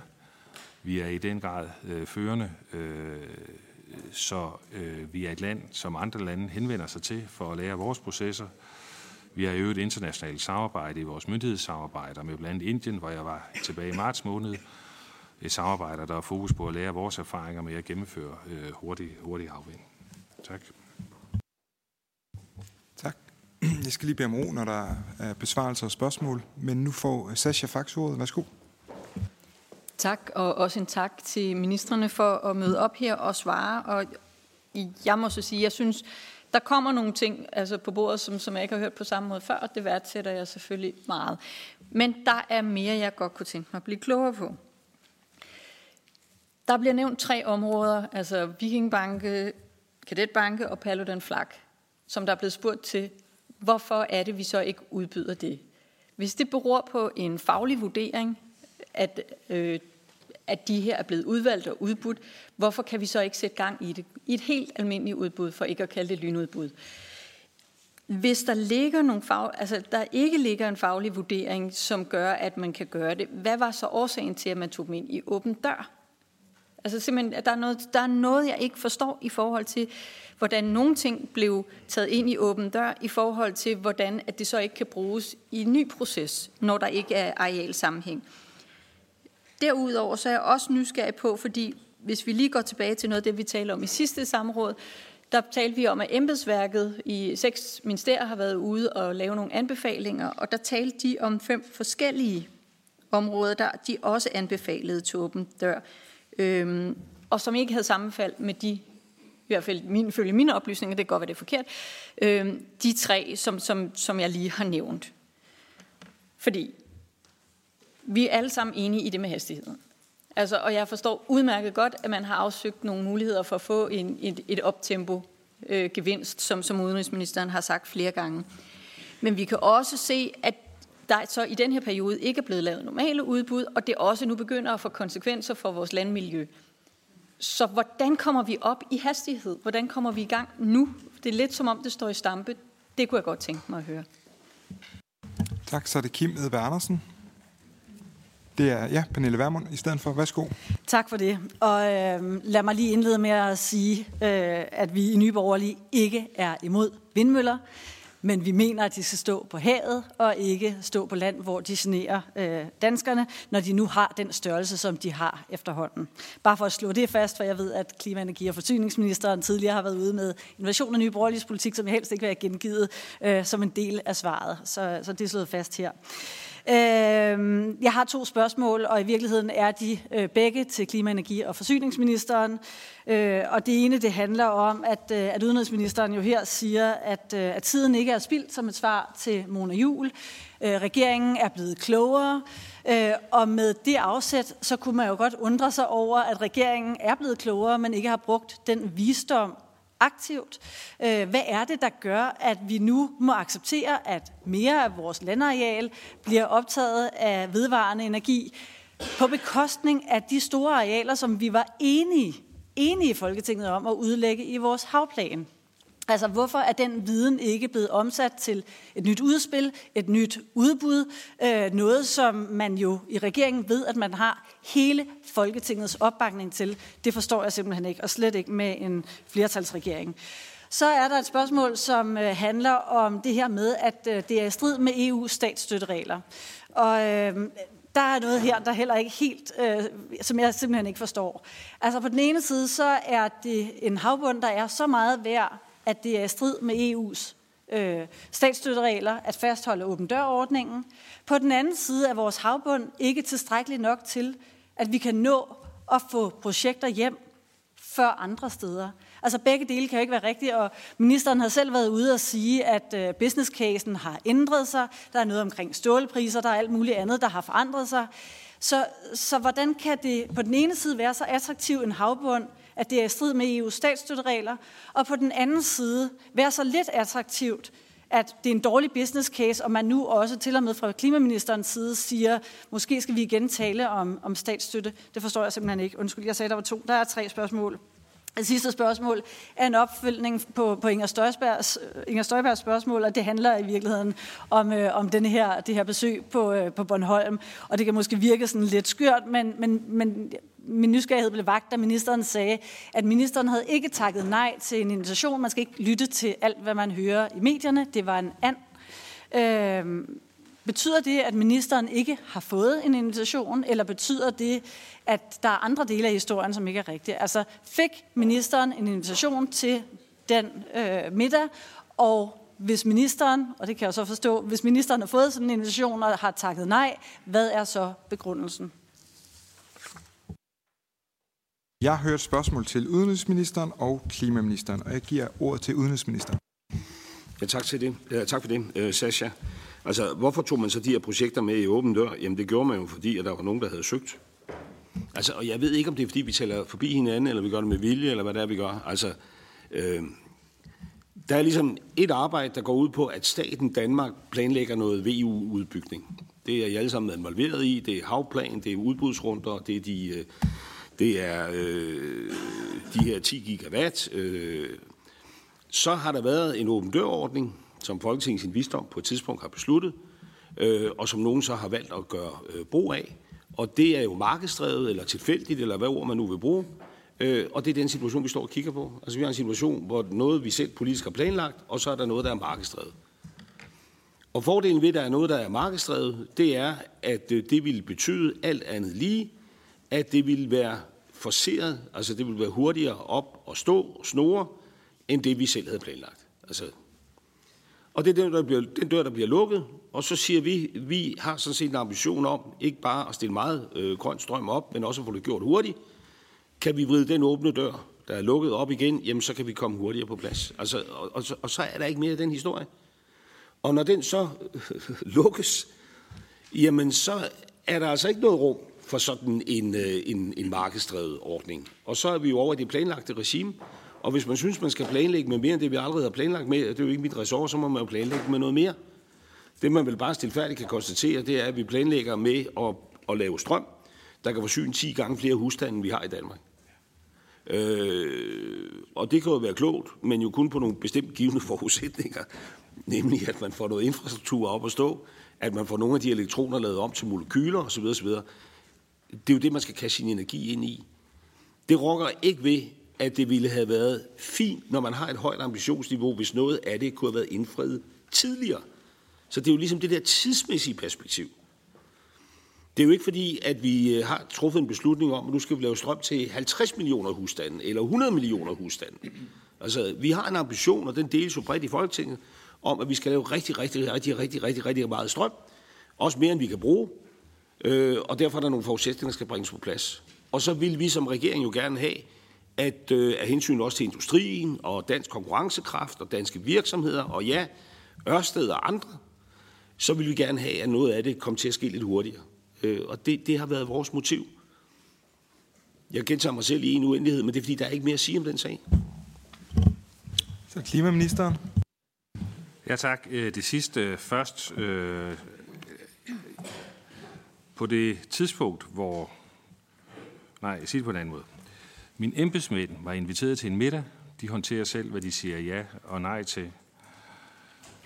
Jeg var inviteret til en anden middag, øh, hvor Mona Jul blandt andet deltog, hvor jeg havde en aktiv rolle, og det havde øh, jeg booket. Hvorvidt jeg har fået en invitation til den anden øh, middag, det øh, mener jeg ikke, jeg har, men det må jeg lige hjem og tjekke. Jeg kan i hvert fald øh, med sikkerhed sige, at jeg har ikke meldt afbud til det arrangement, SIP havde, med den begrundelse, som har fremgået af pressen. Jeg er, øh, det har ikke været øh, det, det er simpelthen ikke sandt, at det har stået der. Jeg havde takket ja til en anden middag, hvor jeg havde en aktiv rolle. Det var der, øh, der jeg var. Om vi har modtaget en invitation til SIP, og om mit ministersekretariat har givet et afslag til det, det, det kan jeg eftersøge bagefter. Jeg har ingen erindring om, at jeg har fået øh, sådan en invitation. Jeg takkede ja til et andet arrangement, hvor jeg havde en, en aktiv rolle. Så det håber jeg svarer på det. Øh, hvad hedder det? Så, øh, så Pernille, så øh, er det fair nok, at øh, vi har politisk øh, udgangspunkter, som kan være forskellige i forhold til øh, vedvarende energi på land. Vi har en meget, meget, vi har en meget, meget bred politisk aftale, der siger, at vi skal nå en firedobling af sol og vind på land. Og den målsætning, den øh, forfølger vi øh, selvfølgelig frem mod 2030. I samme periode, der gennemfører vi Danmarks historiens suverænt største udbud af havvind. Samlet betyder det ny grøn strøm til 25 millioner husstande. Vi skal sikre rammerne for de udbud, de gennemføres i henhold til den aftalte tidsplan. Vi skal videre med at fjerne barriere for klagesystem på land, elnet osv. Vi skal videre med afklaring af brintinfrastruktur, så vi sikrer, den grønne strøm også egen en økonomisk værdi og kan komme frem til kunder, der skal bruge den. Vi har rigtig meget arbejde at gøre nu for at sikre, at vi får øh, de, øh, de mængder grøn strøm, øh, vi har aftalt. Vi skal jo også øh, intensivere samarbejdet med vores europæiske naboer. Så det her det er et, øh, et både og. og. Det, der har været regeringens fokus med OD-ordningen, det har været at se, om vi kunne få en model, der kunne give mere grøn strøm før 2030, og det er det, som vi har redegjort for. Det altså viser, at det ikke øh, er tilfældet. Sasha, du, øh, øh, øh, du, du spurgte til øh, noget med at tage ind i åben dør. Det er sådan, at der ikke er nogen, der tager noget ind i åben dør. Det er de pågældende selskaber, der har ansøgt på de, øh, på de tre arealer. Tak for det. Vi har en lille halv time tilbage, og vi starter på anden runde af spørgerne nu her. Og øh, vi, vi tager jo så meget, som, som vi kan nå, øh, og det er jo samme rækkefølge. Det er efter partiernes størrelse, vi tager. Hvis der er ønsker om at bytte internt, så må I gøre det. Så, så ordner vi det på den måde, men ellers går jeg bare ud fra den øh, plan, vi har lagt fra starten. Men først så får Inger Støjberg ordet. Værsgo. Hvad siger du? Ret lige SF, der skal have det første spørgsmål. SF får... Øh, Nå, men bare hvis det var ordet efter dig. Men, ja. men, men der, jeg de er med i første runde, ligesom dig er. Tak for det. Godt. det styrker dig selvtilliden herop til jul. Øh, det er jo dejligt. Det kan alle have brug for. Nå, men øh, det er egentlig til klimaministeren i første omgang, fordi klimaministeren var så forhippet på ligesom at få svaret på det med middagen, så, så han glemte ligesom mit hovedspørgsmål, nemlig om klimaministeren var enig i, at øh, klimaministeriet ikke er, er i stand til, og klimaministeren ikke er i stand til ligesom at håndtere den her opgave, siden at den var kommet over i, øh, i Udenrigsministeriet. Og derfor vil jeg selvfølgelig også gerne spørge klimaministeren om, om der er andre opgaver, der er blevet placeret over i, øh, i Udenrigsministeriet. Øhm, og øh, så vil jeg egentlig bare gerne spørge udenrigsministeren om, om der er andre opgaver, han ligesom har hjemtaget fra andre ministerier, eller om det er bare kun Klimaministeriet, han vurderer til ikke at være stærk nok i, øh, i en sag som den her. Men, men findes der andre eksempler, hvor udenrigsministeren ligesom har været ude og hjemtage opgaver fra, fra andre ministerier og sat sig for bordenden? Tak. Og så er det Signe Munk fra SF. Store parti. Er du med, Signe, derude? Ja, værsgo. Ja, jeg, og jeg er glad for at kunne bidrage til Inger, fru Inger Støjbergs uh, selvtillid herop til jul. Uh, det uh, under vi gerne Danmarksdemokraterne.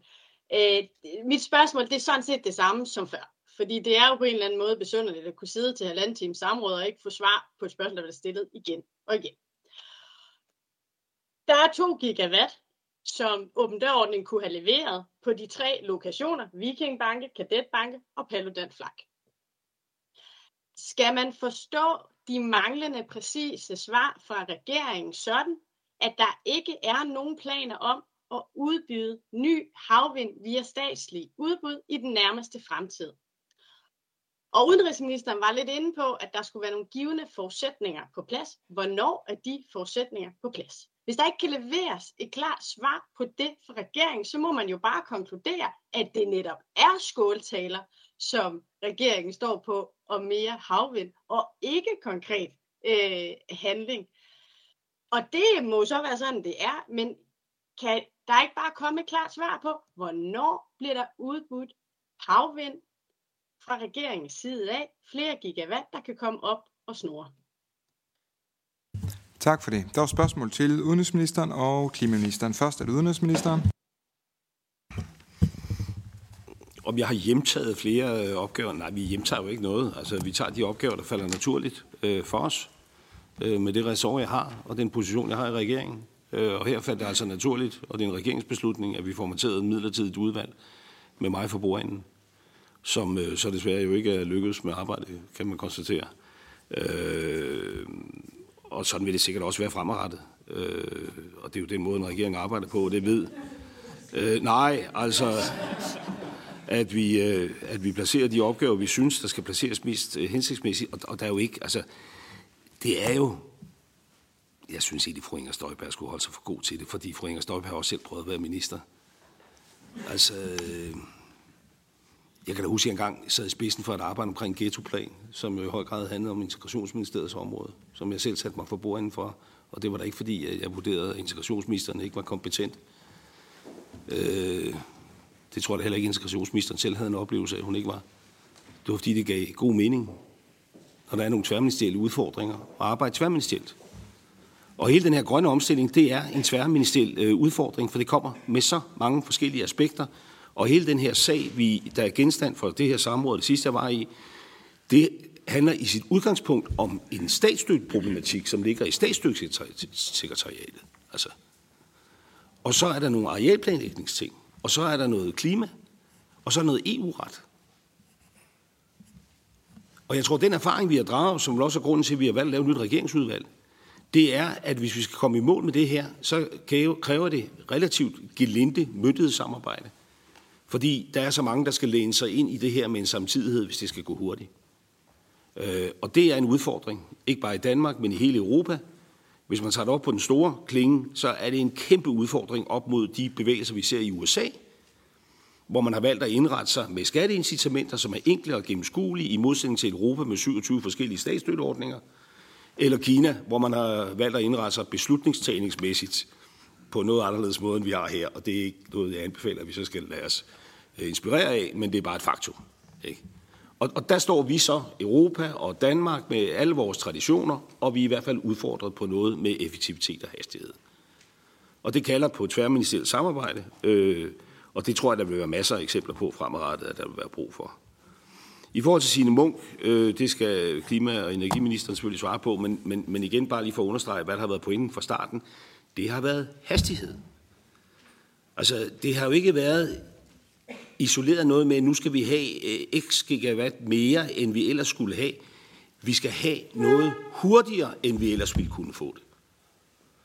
Det, det, og det, det har jeg sagt mange gange, altså, øh, og det er det, der har drevet det her. Ville vi, fordi der nu var en åben dørordning og nogle projektmager, der havde lagt nogle projektforslag frem, ville vi så via den metode kunne få implementeret noget, noget før i forhold til, hvad vi ellers ville. Det er jo det, der har drevet det. Øh, og så skal jeg ikke også svare på mere om, hvorvidt 10 gigawatt skal blive til flere, og hvornår det skal blive det. Altså, men, men, men, men det er det, der har været motivet. Og klimaministeren? Ja, øh, kan ikke sikkert lægge så meget til på det første spørgsmål øh, i forhold til det, udenrigsministeren har sagt. Det er øh, sådan, når vi øh, laver klima- og energiomstilling, så går det på tværs af rigtig mange ministre øh, ressort, og der er ikke flyttet ressort i forbindelse med den interne organisering af regeringens arbejde. Og personligt har jeg det sådan, at det er klasse, at formanden for mit parti har så stort et engagement i den grønne omstilling, som man har. Det er en, en stor fornøjelse i hverdagen, så det vil jeg bare godt udtrykke øh, glæde over. Øhm, så er der spørgsmålet gående på øh, yderligere udnyttelse af havarealet. Og der vil jeg bare erindre om, at vi, der med Morten i spidsen, er blevet lavet en aftale om havplan, der udlægger en tredjedel af vores søterritorie til vedvarende energi. Det er da helt sikkert gjort med den bagtanke, at det skal udnyttes. Så vi skal da bygge meget mere havvind på den anden side af 2030. Øh, vi har i de kommende år nogle meget store udfordringer, der ligger, eller ting, der skal falde på plads. Vi skal nå det, vi har sat os for, og som jeg nævnte, vi skal gennemføre de VE-udbud, som er i gang på havet inden for den tidsplan, der er. Vi skal videre med at fjerne barriere for land. Vi skal have afklaret spørgsmålet om brintinfrastruktur til Tyskland. Vi har også en uafklaret stillingtagen til energiøen i Nordsøen, der i øvrigt så jo er i de politiske aftaler, der ligger, af, af, i fald de holder, kan levere øh, væsentlig udbygning af grøn strøm i perioden øh, 20, øh, ja, fra 2033 og, øh, og fremad. Så der skal der meget mere til øh, på havet, men det skal også gøres seriøst og ordentligt. Fordi der er selvfølgelig også balancer her. Vi skal blandt andet have identificeret de arealer, som er bedst egnede. Derfor så har man i aftale med spørgerens parti jo øh, aftalt, at der skal ske en screening af det øh, danske søterritorie for, hvilke arealer er bedst at bringe i spil og hvornår. Vi skal også øh, have afsluttet den såkaldte godt købmandskabsanalyse, som handler om, hvordan vi sikrer den værdi, danskernes søterritorie udgør, at den også øh, bliver høstet af danskerne. Så vi hviler ikke på laverbærene. Vi, øh, vi øh, knokler hårdt på for at realisere de ting, vi har aftalt, og banevejen for yderligere vedvarende energi efter 2030. Tak. Så er det Mona Jul. Tak for det. Jeg tænker, at erhvervsministeren også skal have et spørgsmål, og jeg øh, vil gerne lige komme tilbage til øh, den 6. juni, hvor vi øh, lavede en aftale omkring havplan. Øh, vi præsenterede den den 7. juni. Men der, jeg øh, har i hele forløbet ønsket at få svar på et vigtigt spørgsmål. Hvem bad erhvervsministeren om at ændre punkt 7 i havplansaftalen meget, meget, meget sent, dagen inden vi lancerede den? Og hvad tidspunkt fik ministeren besked på, at det skulle ændres? For jeg kan bare lige referere, hvad der stod i aftalen tidligere på dagen. Der stod, at aftalepartiet noterer sig en videre, regering er ved at afklare de nærmere rammer omkring åben dørordning, og at der kan opstå behov for yderligere udpakning af konkrete områder. Og jeg noterede den dag, og det sagde jeg også i det bilaterale møde, jeg var til kl. 19 om aftenen, at jeg synes, vi skulle ændre kan til vil, fordi jeg havde jo en formodning om, at der selvfølgelig ville komme nogle åbne dør arealer, der var behov for. Klokken 19 på vej ud af døren, øh, eller jeg er til møde klokken 19, men på vej ud af døren halv time senere får jeg det her stykke papir i hånden, hvor der står en ny tekst til punkt 7, hvor åben dør de facto bliver lukket, undtagen tre arealer. Hvor kom det fra? Hvornår kom det? Og hvorfor skulle det proppes ind i havplansaftalen? Tak. Tak. Så er det Søren Ikke. Værsgo.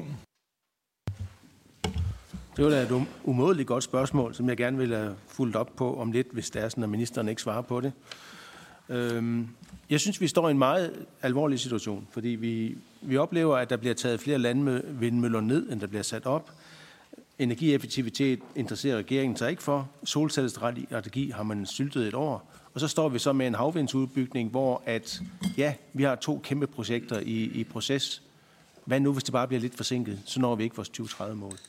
Og det er jo der, det vil være så godt, hvis vi har nogle kystnære møller, som kunne bidrage med en udbygning inden 2030. Det er derfor, vi har interesseret os for det her. Jeg, jeg synes, at, at man ikke skal... Altså, jeg hører nu, at ministeren vil komme med et lovforslag, der lukker åben dør lovgivningen. Jeg synes, man i stedet for skulle finde frem til at åbne en ny ordning, som for eksempel kunne give kommuner en initiativret. Så det var dem, der besluttede, om man må gå videre med et projekt. Den slags nye tanker synes jeg ikke, man skal droppe, og jeg synes også, at, at, at vi ikke har fået svar på i dag, omkring hvorfor ikke prioritere at holde et udbud på nye arealer. Og så kunne jeg godt tænke mig at høre øh, erhvervsministeren. Skulle vi have taget flere arealer til, øh, til havvind med i vores havplan? Der var jo her for ganske nylig, da vi skulle sende noget i høring, der kunne vi have modelleret på det. Og der var der bare en kold afvisning af, at man kunne tage noget ind, der for eksempel kunne imødekomme det folkelige projekt ved Bornholm til at det kunne blive fremme på et areal derovre. Nej, nej, det skulle hele aftalekredsen blive enige om, men det fik vi jo ikke en reel drøftelse af. Og så kunne jeg godt tænke mig at spørge klima- og energiministeren, der har været ude at lufte, at, at den her EU-nødret måske kunne bruges til noget. Det var i, i forbindelse med Aflands Hage, og man kom frem til, at det kunne man så åbenbart ikke. Kan den her nødret bruges til noget som helst? Altså det er ligesom, at, at det her det afdækker alle de dårlige nyheder. Der er ikke noget, der er muligt. Og så står vi så her, vi vil gerne et eller andet, øh, siger alle, og vi kan ikke komme videre. Kan nødretten bruges til noget som helst? Tak.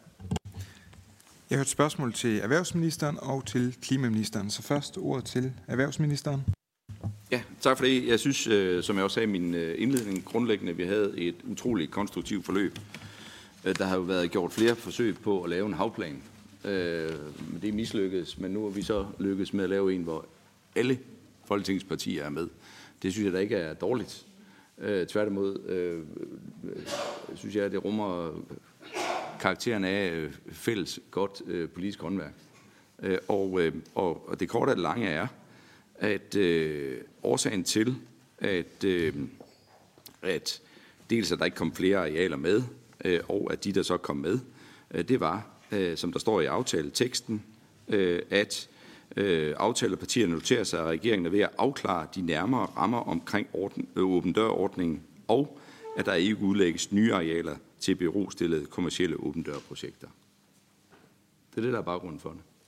Der er ikke nogen, der har altså, alt muligt pres og øh, mystik og alt muligt. Altså beklager. Altså der var... Ja, Mona, Mona Jul, du har ikke fået ordet. Altså, det, det er det her, som vi har skrevet i aftaleteksten, øh, som gælder. Øh, og, øh, og derfor er øh, det selvfølgelig øh, det centrale. Og det handler om hvad skal man sige, øh, nye arealer, som Søren Eggert han, øh, spørger til. Øh, jamen, så tror jeg da bare, det er vigtigt at sige. Altså, øh, også som øh, klima- og energi- og forsyningsministeren siger, der er jo ikke nogen, der ligesom afviser, øh, at det kan komme på tale, at der skal være, øh, hvad hedder det, øh, øh, nye udlæg, øh, og øh, der måske også skal findes øh, nye arealer. Altså vi har jo blandt andet på enhedslistens foranledning øh, i finansloven for 22 besluttet, at der skal laves total screening af vores øh, havbund, for at se, om vi har ramt plet, eller er der andre områder, hvor vi kan se eventuelt på nye arealer. Så det kommer vi jo til at vende tilbage til. Øh, men det var jo blandt andet øh, enhedslisten, som ønskede, at inden vi eventuelt gik videre, så var det vigtigt, at vi lige øh, øh kunne se, hvad var det for en havbund, vi havde med at gøre, og hvor var der eksempelvis naturhensyn, som gjorde, at vi ikke skulle anlægge havvind der. Det er jo det, der er baggrund for den screening, som blev aftalt med finansloven der i øh, 22. Og det arbejde øh, tager, må jeg forstå, øh, øh, noget tid, men når det er færdigt, øh, så, øh, så vender vi selvfølgelig tilbage til det.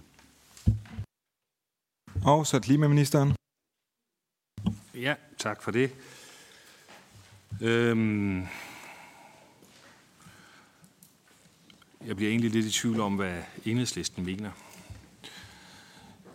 I sidste uge skulle regeringen have mandat til at forhandle en forlængelse af nødretsforordningen, der handler om øh, muligheden for at bringe en række kan-bestemmelser i spil, der gør, at man kan afvige fra, øh, fra nogen af de beskyttelsesregler, der gælder. Enhedslisten gav ikke regeringen mandat til at gå efter nødretsforordningen. Og nu hører jeg så, at enhedslisten spørger øh, til, om vi ikke nok vil bringe den i anvendelse. Den, øh, der blev vedtaget en revideret øh, nødretsforordning øh, i går. Øh, der er nogle enkelte justeringer i den. Den skal vi selv sagt have, lige have analyseret. Nødretsforordningen ændrer ikke på, at der skal gennemføres en strategisk miljøvurdering på de pågældende arealer, og det vil sige, øh, vi skal selvfølgelig have gennemanalyseret det. Jeg vil gerne komme tilbage med et papir øh, på det til, øh, til spørgeren, hvad den opdaterede nødretsforordning kan give af gevinster, men den ændrer ikke grundlæggende på, at der skal gennemføres en strategisk miljøvurdering, det vil sige den periode, som jeg har redegjort for, hvor der skal laves øh, udbudskriterier, gennemføres markedsdialog, gennemføres udbud, laves strategisk miljøvurdering og foretages en investorscreening.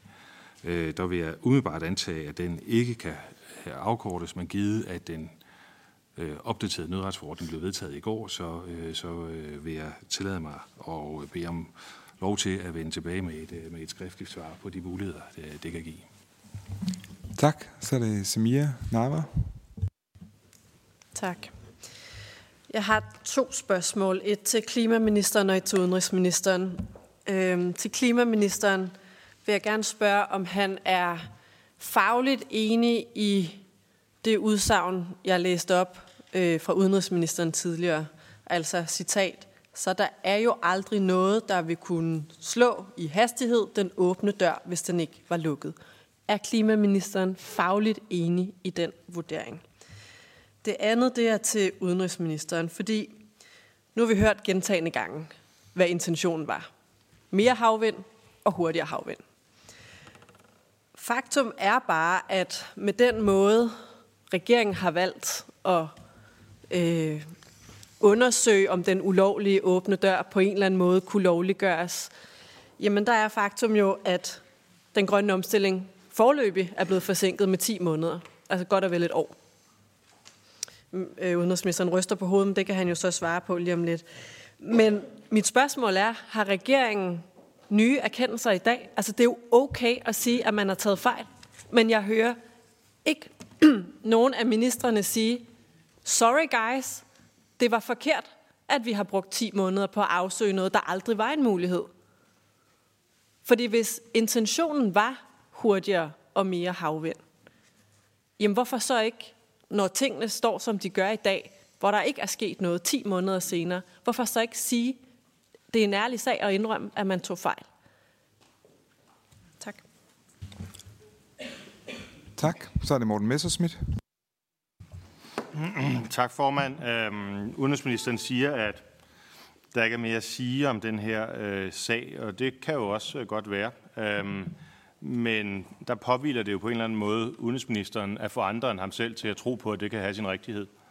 Øh, og det eneste, vi ved, det er, at han forud for sin udnævnelse til udenrigsminister, hvor han fuldstændig ud af det blå sætter sig selv i spidsen for et vindmølleudvalg, forsøger at favorisere nogle, der har været kunder hos den virksomhed, han just har været ansat hos, og købet gør det på en måde, hvor han forsøger at presse model igennem, som er i strid med EU-retten og vækker advarsler i embedsapparatet. Der mener det påviler udenrigsministeren så at overbevise os andre om, at der ikke er mere at sige om den sag. Og det gør man jo ikke ved hverken at kunne eller ville svare på, hvilket et af de ni fagområder, som Gorisen Federspil opererer med, har udenrigsministeren givet rådgivning.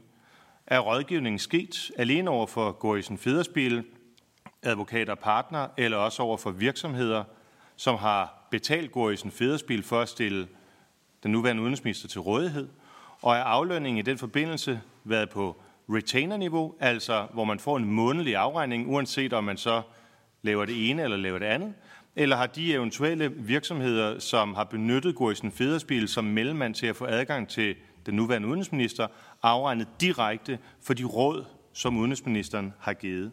Hvis ikke udenrigsministeren kan svare eller belyse, hvad end det så sker i et offentligt eller et fortroligt forum, så er det meget svært, tror jeg, for, øh, for, for i hvert fald undertegnet at tro på, at der ikke er mere at sige om den sag. I givet fald tror jeg faktisk, det, man kan sige, det konstateres, at den eneste, der ikke vil sige mere om den sag, er udenrigsministeren, mens vi andre vil rigtig gerne høre mere. Mit spørgsmål er, har, har udenrigsministeren nogensinde, efter han blev udenrigsminister, overvejet, om han måtte have været inhabil i lyset af det, han har foretaget sig for Gorisen Federspil? Er det en tanke, der nogensinde implicit eller eksplicit er opstået i øh, udenrigsministeren til hovedet? Han måske har luftet med nogen i sit ministerium eller nogen i regeringen, at der skulle være et, et inhabilitetselement. Og så et hurtigt spørgsmål til, øh, til klimaministeren. Må vi se den EU-retlige øh, vurdering øh, og de procespapirer, der ligger til grund for, at man ender med at konkludere den som stridende mod EU-retten? Tak.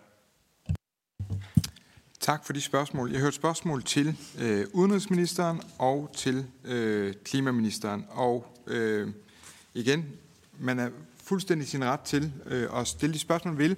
Og udvalgsforretningsorden øh, giver også mulighed for, at man kan i det hele taget bare komme med kommentarer, øh, som, som så kan komme til øh, efterretning rundt omkring. Så det er der man fuldstændig sin ret til. Øh, jeg vil igen så sige, at øh, i hvert fald de spørgsmål fra Morten Messerschmidt til udenrigsministeren, øh, vil, er min vurdering, at de ligger uden for samme spørgsmål. Men nu giver jeg ordet, ja, nu giver jeg ordet til øh, først udenrigsministeren og så klimaministeren. Værsgo. Ja, tak for det. Altså, nu er det jo ikke mig, der skal føre sandhedsbevis for, at hr. Morten Messersmiths injurier er forkerte. Det forholder sig jo omvendt. Øh, jeg synes, man skulle holde sig for god til det.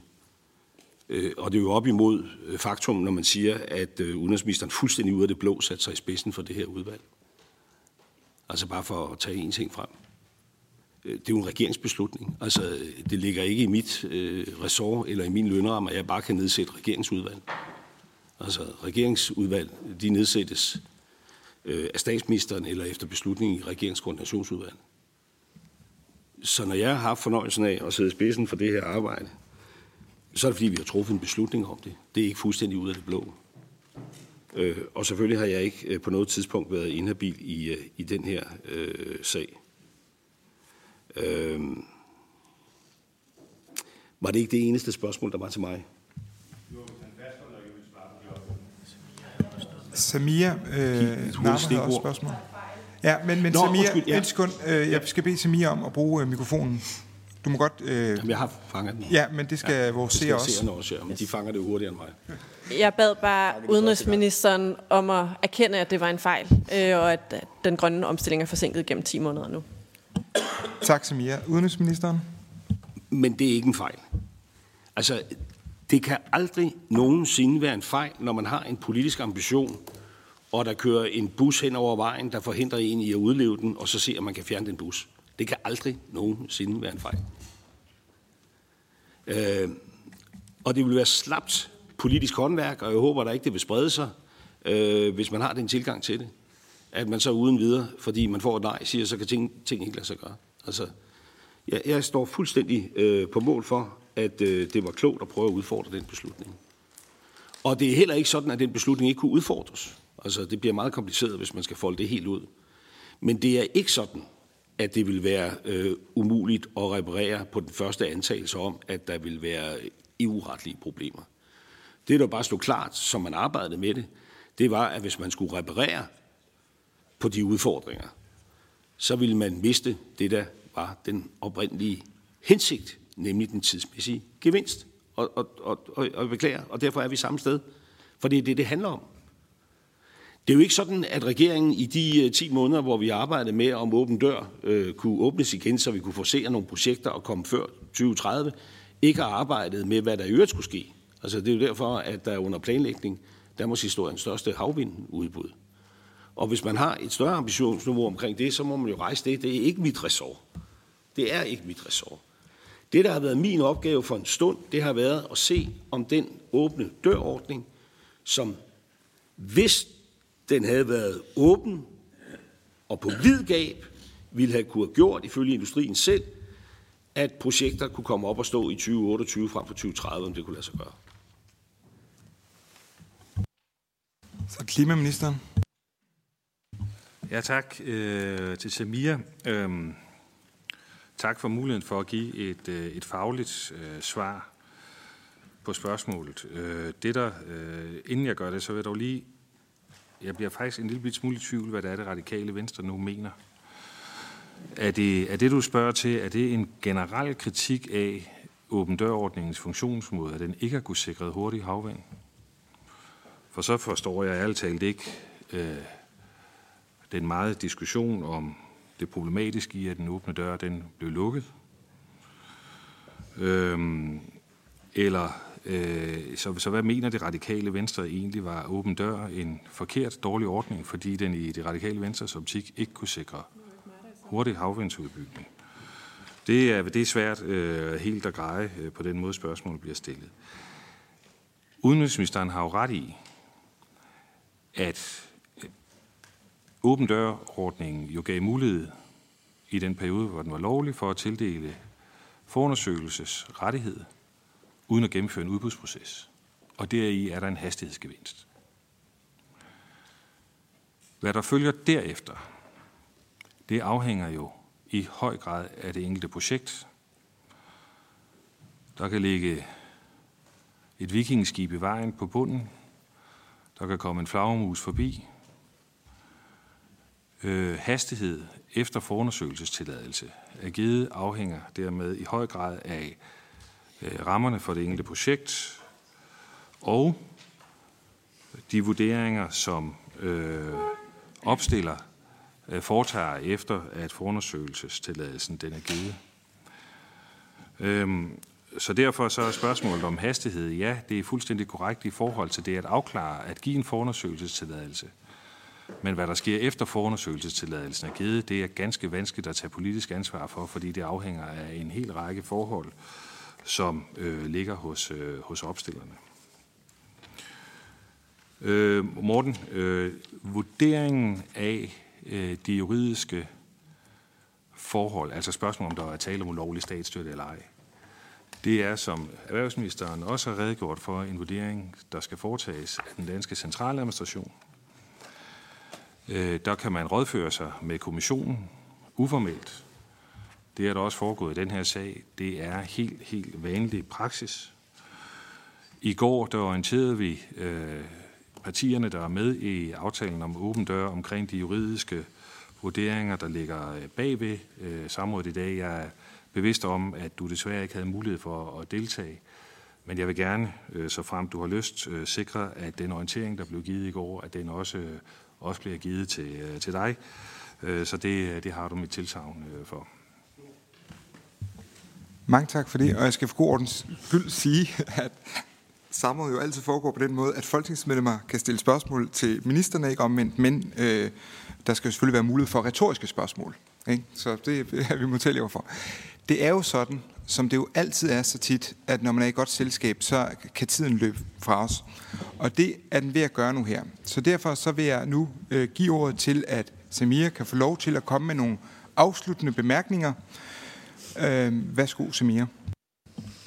Tak. Jamen tak til øh, ministerne for at stille sig øh, til rådighed og bruge et par timer sammen med os. Øh, jeg tror ikke, der er nogen tvivl om, at vi alle sammen ser med ret stor alvor på det, men også, at der er forskellige vinkler, øh, om, øh, vinkler ind øh, på, på den her sag. Men jeg tror sådan set også, at jeg kan tale på alles vegne, når jeg siger, at vi fortsat har flere spørgsmål, men vi vil, vi vil nok lige vende med hinanden, hvordan vi tager det her videre, om det er på lukket samråd, hvor ministerne så måske har mulighed for at svare endnu mere præcist øh, på, øh, på spørgsmålene, eller om det er skriftligt, der skal følges op, øh, eller hvordan og hvorledes. Men et helt centralt spørgsmål, der i hvert fald står tilbage, det er, hvad nu? Øh, hvad skal der egentlig øh, ske herfra? Og øh, klimaministeren øh, sagde øh, lidt øh, spydigt, at det er jo ikke svært at øh, aftale, hvor man vil hen. Nej, desværre måtte man forstå, det er at anvise, hvordan man kommer derhen. Og jeg tror bare, at jeg for egen regning vil sige, og i al stilfærdighed bare konstatere, at det sværeste for regeringen, det er nok i virkeligheden bare at komme derhen. Så øh, mens nogen de ønsker sig en hvid jul, og vi er nogen her, der havde ønsket os en grøn jul, så tænker jeg allermest, at vi send, går i en sort jul i møde. Men øh, glædelig jul alle sammen. Således opmuntret, så vil jeg takke de tre minister for at komme og besvare vores spørgsmål. Samrådet er hermed afsluttet.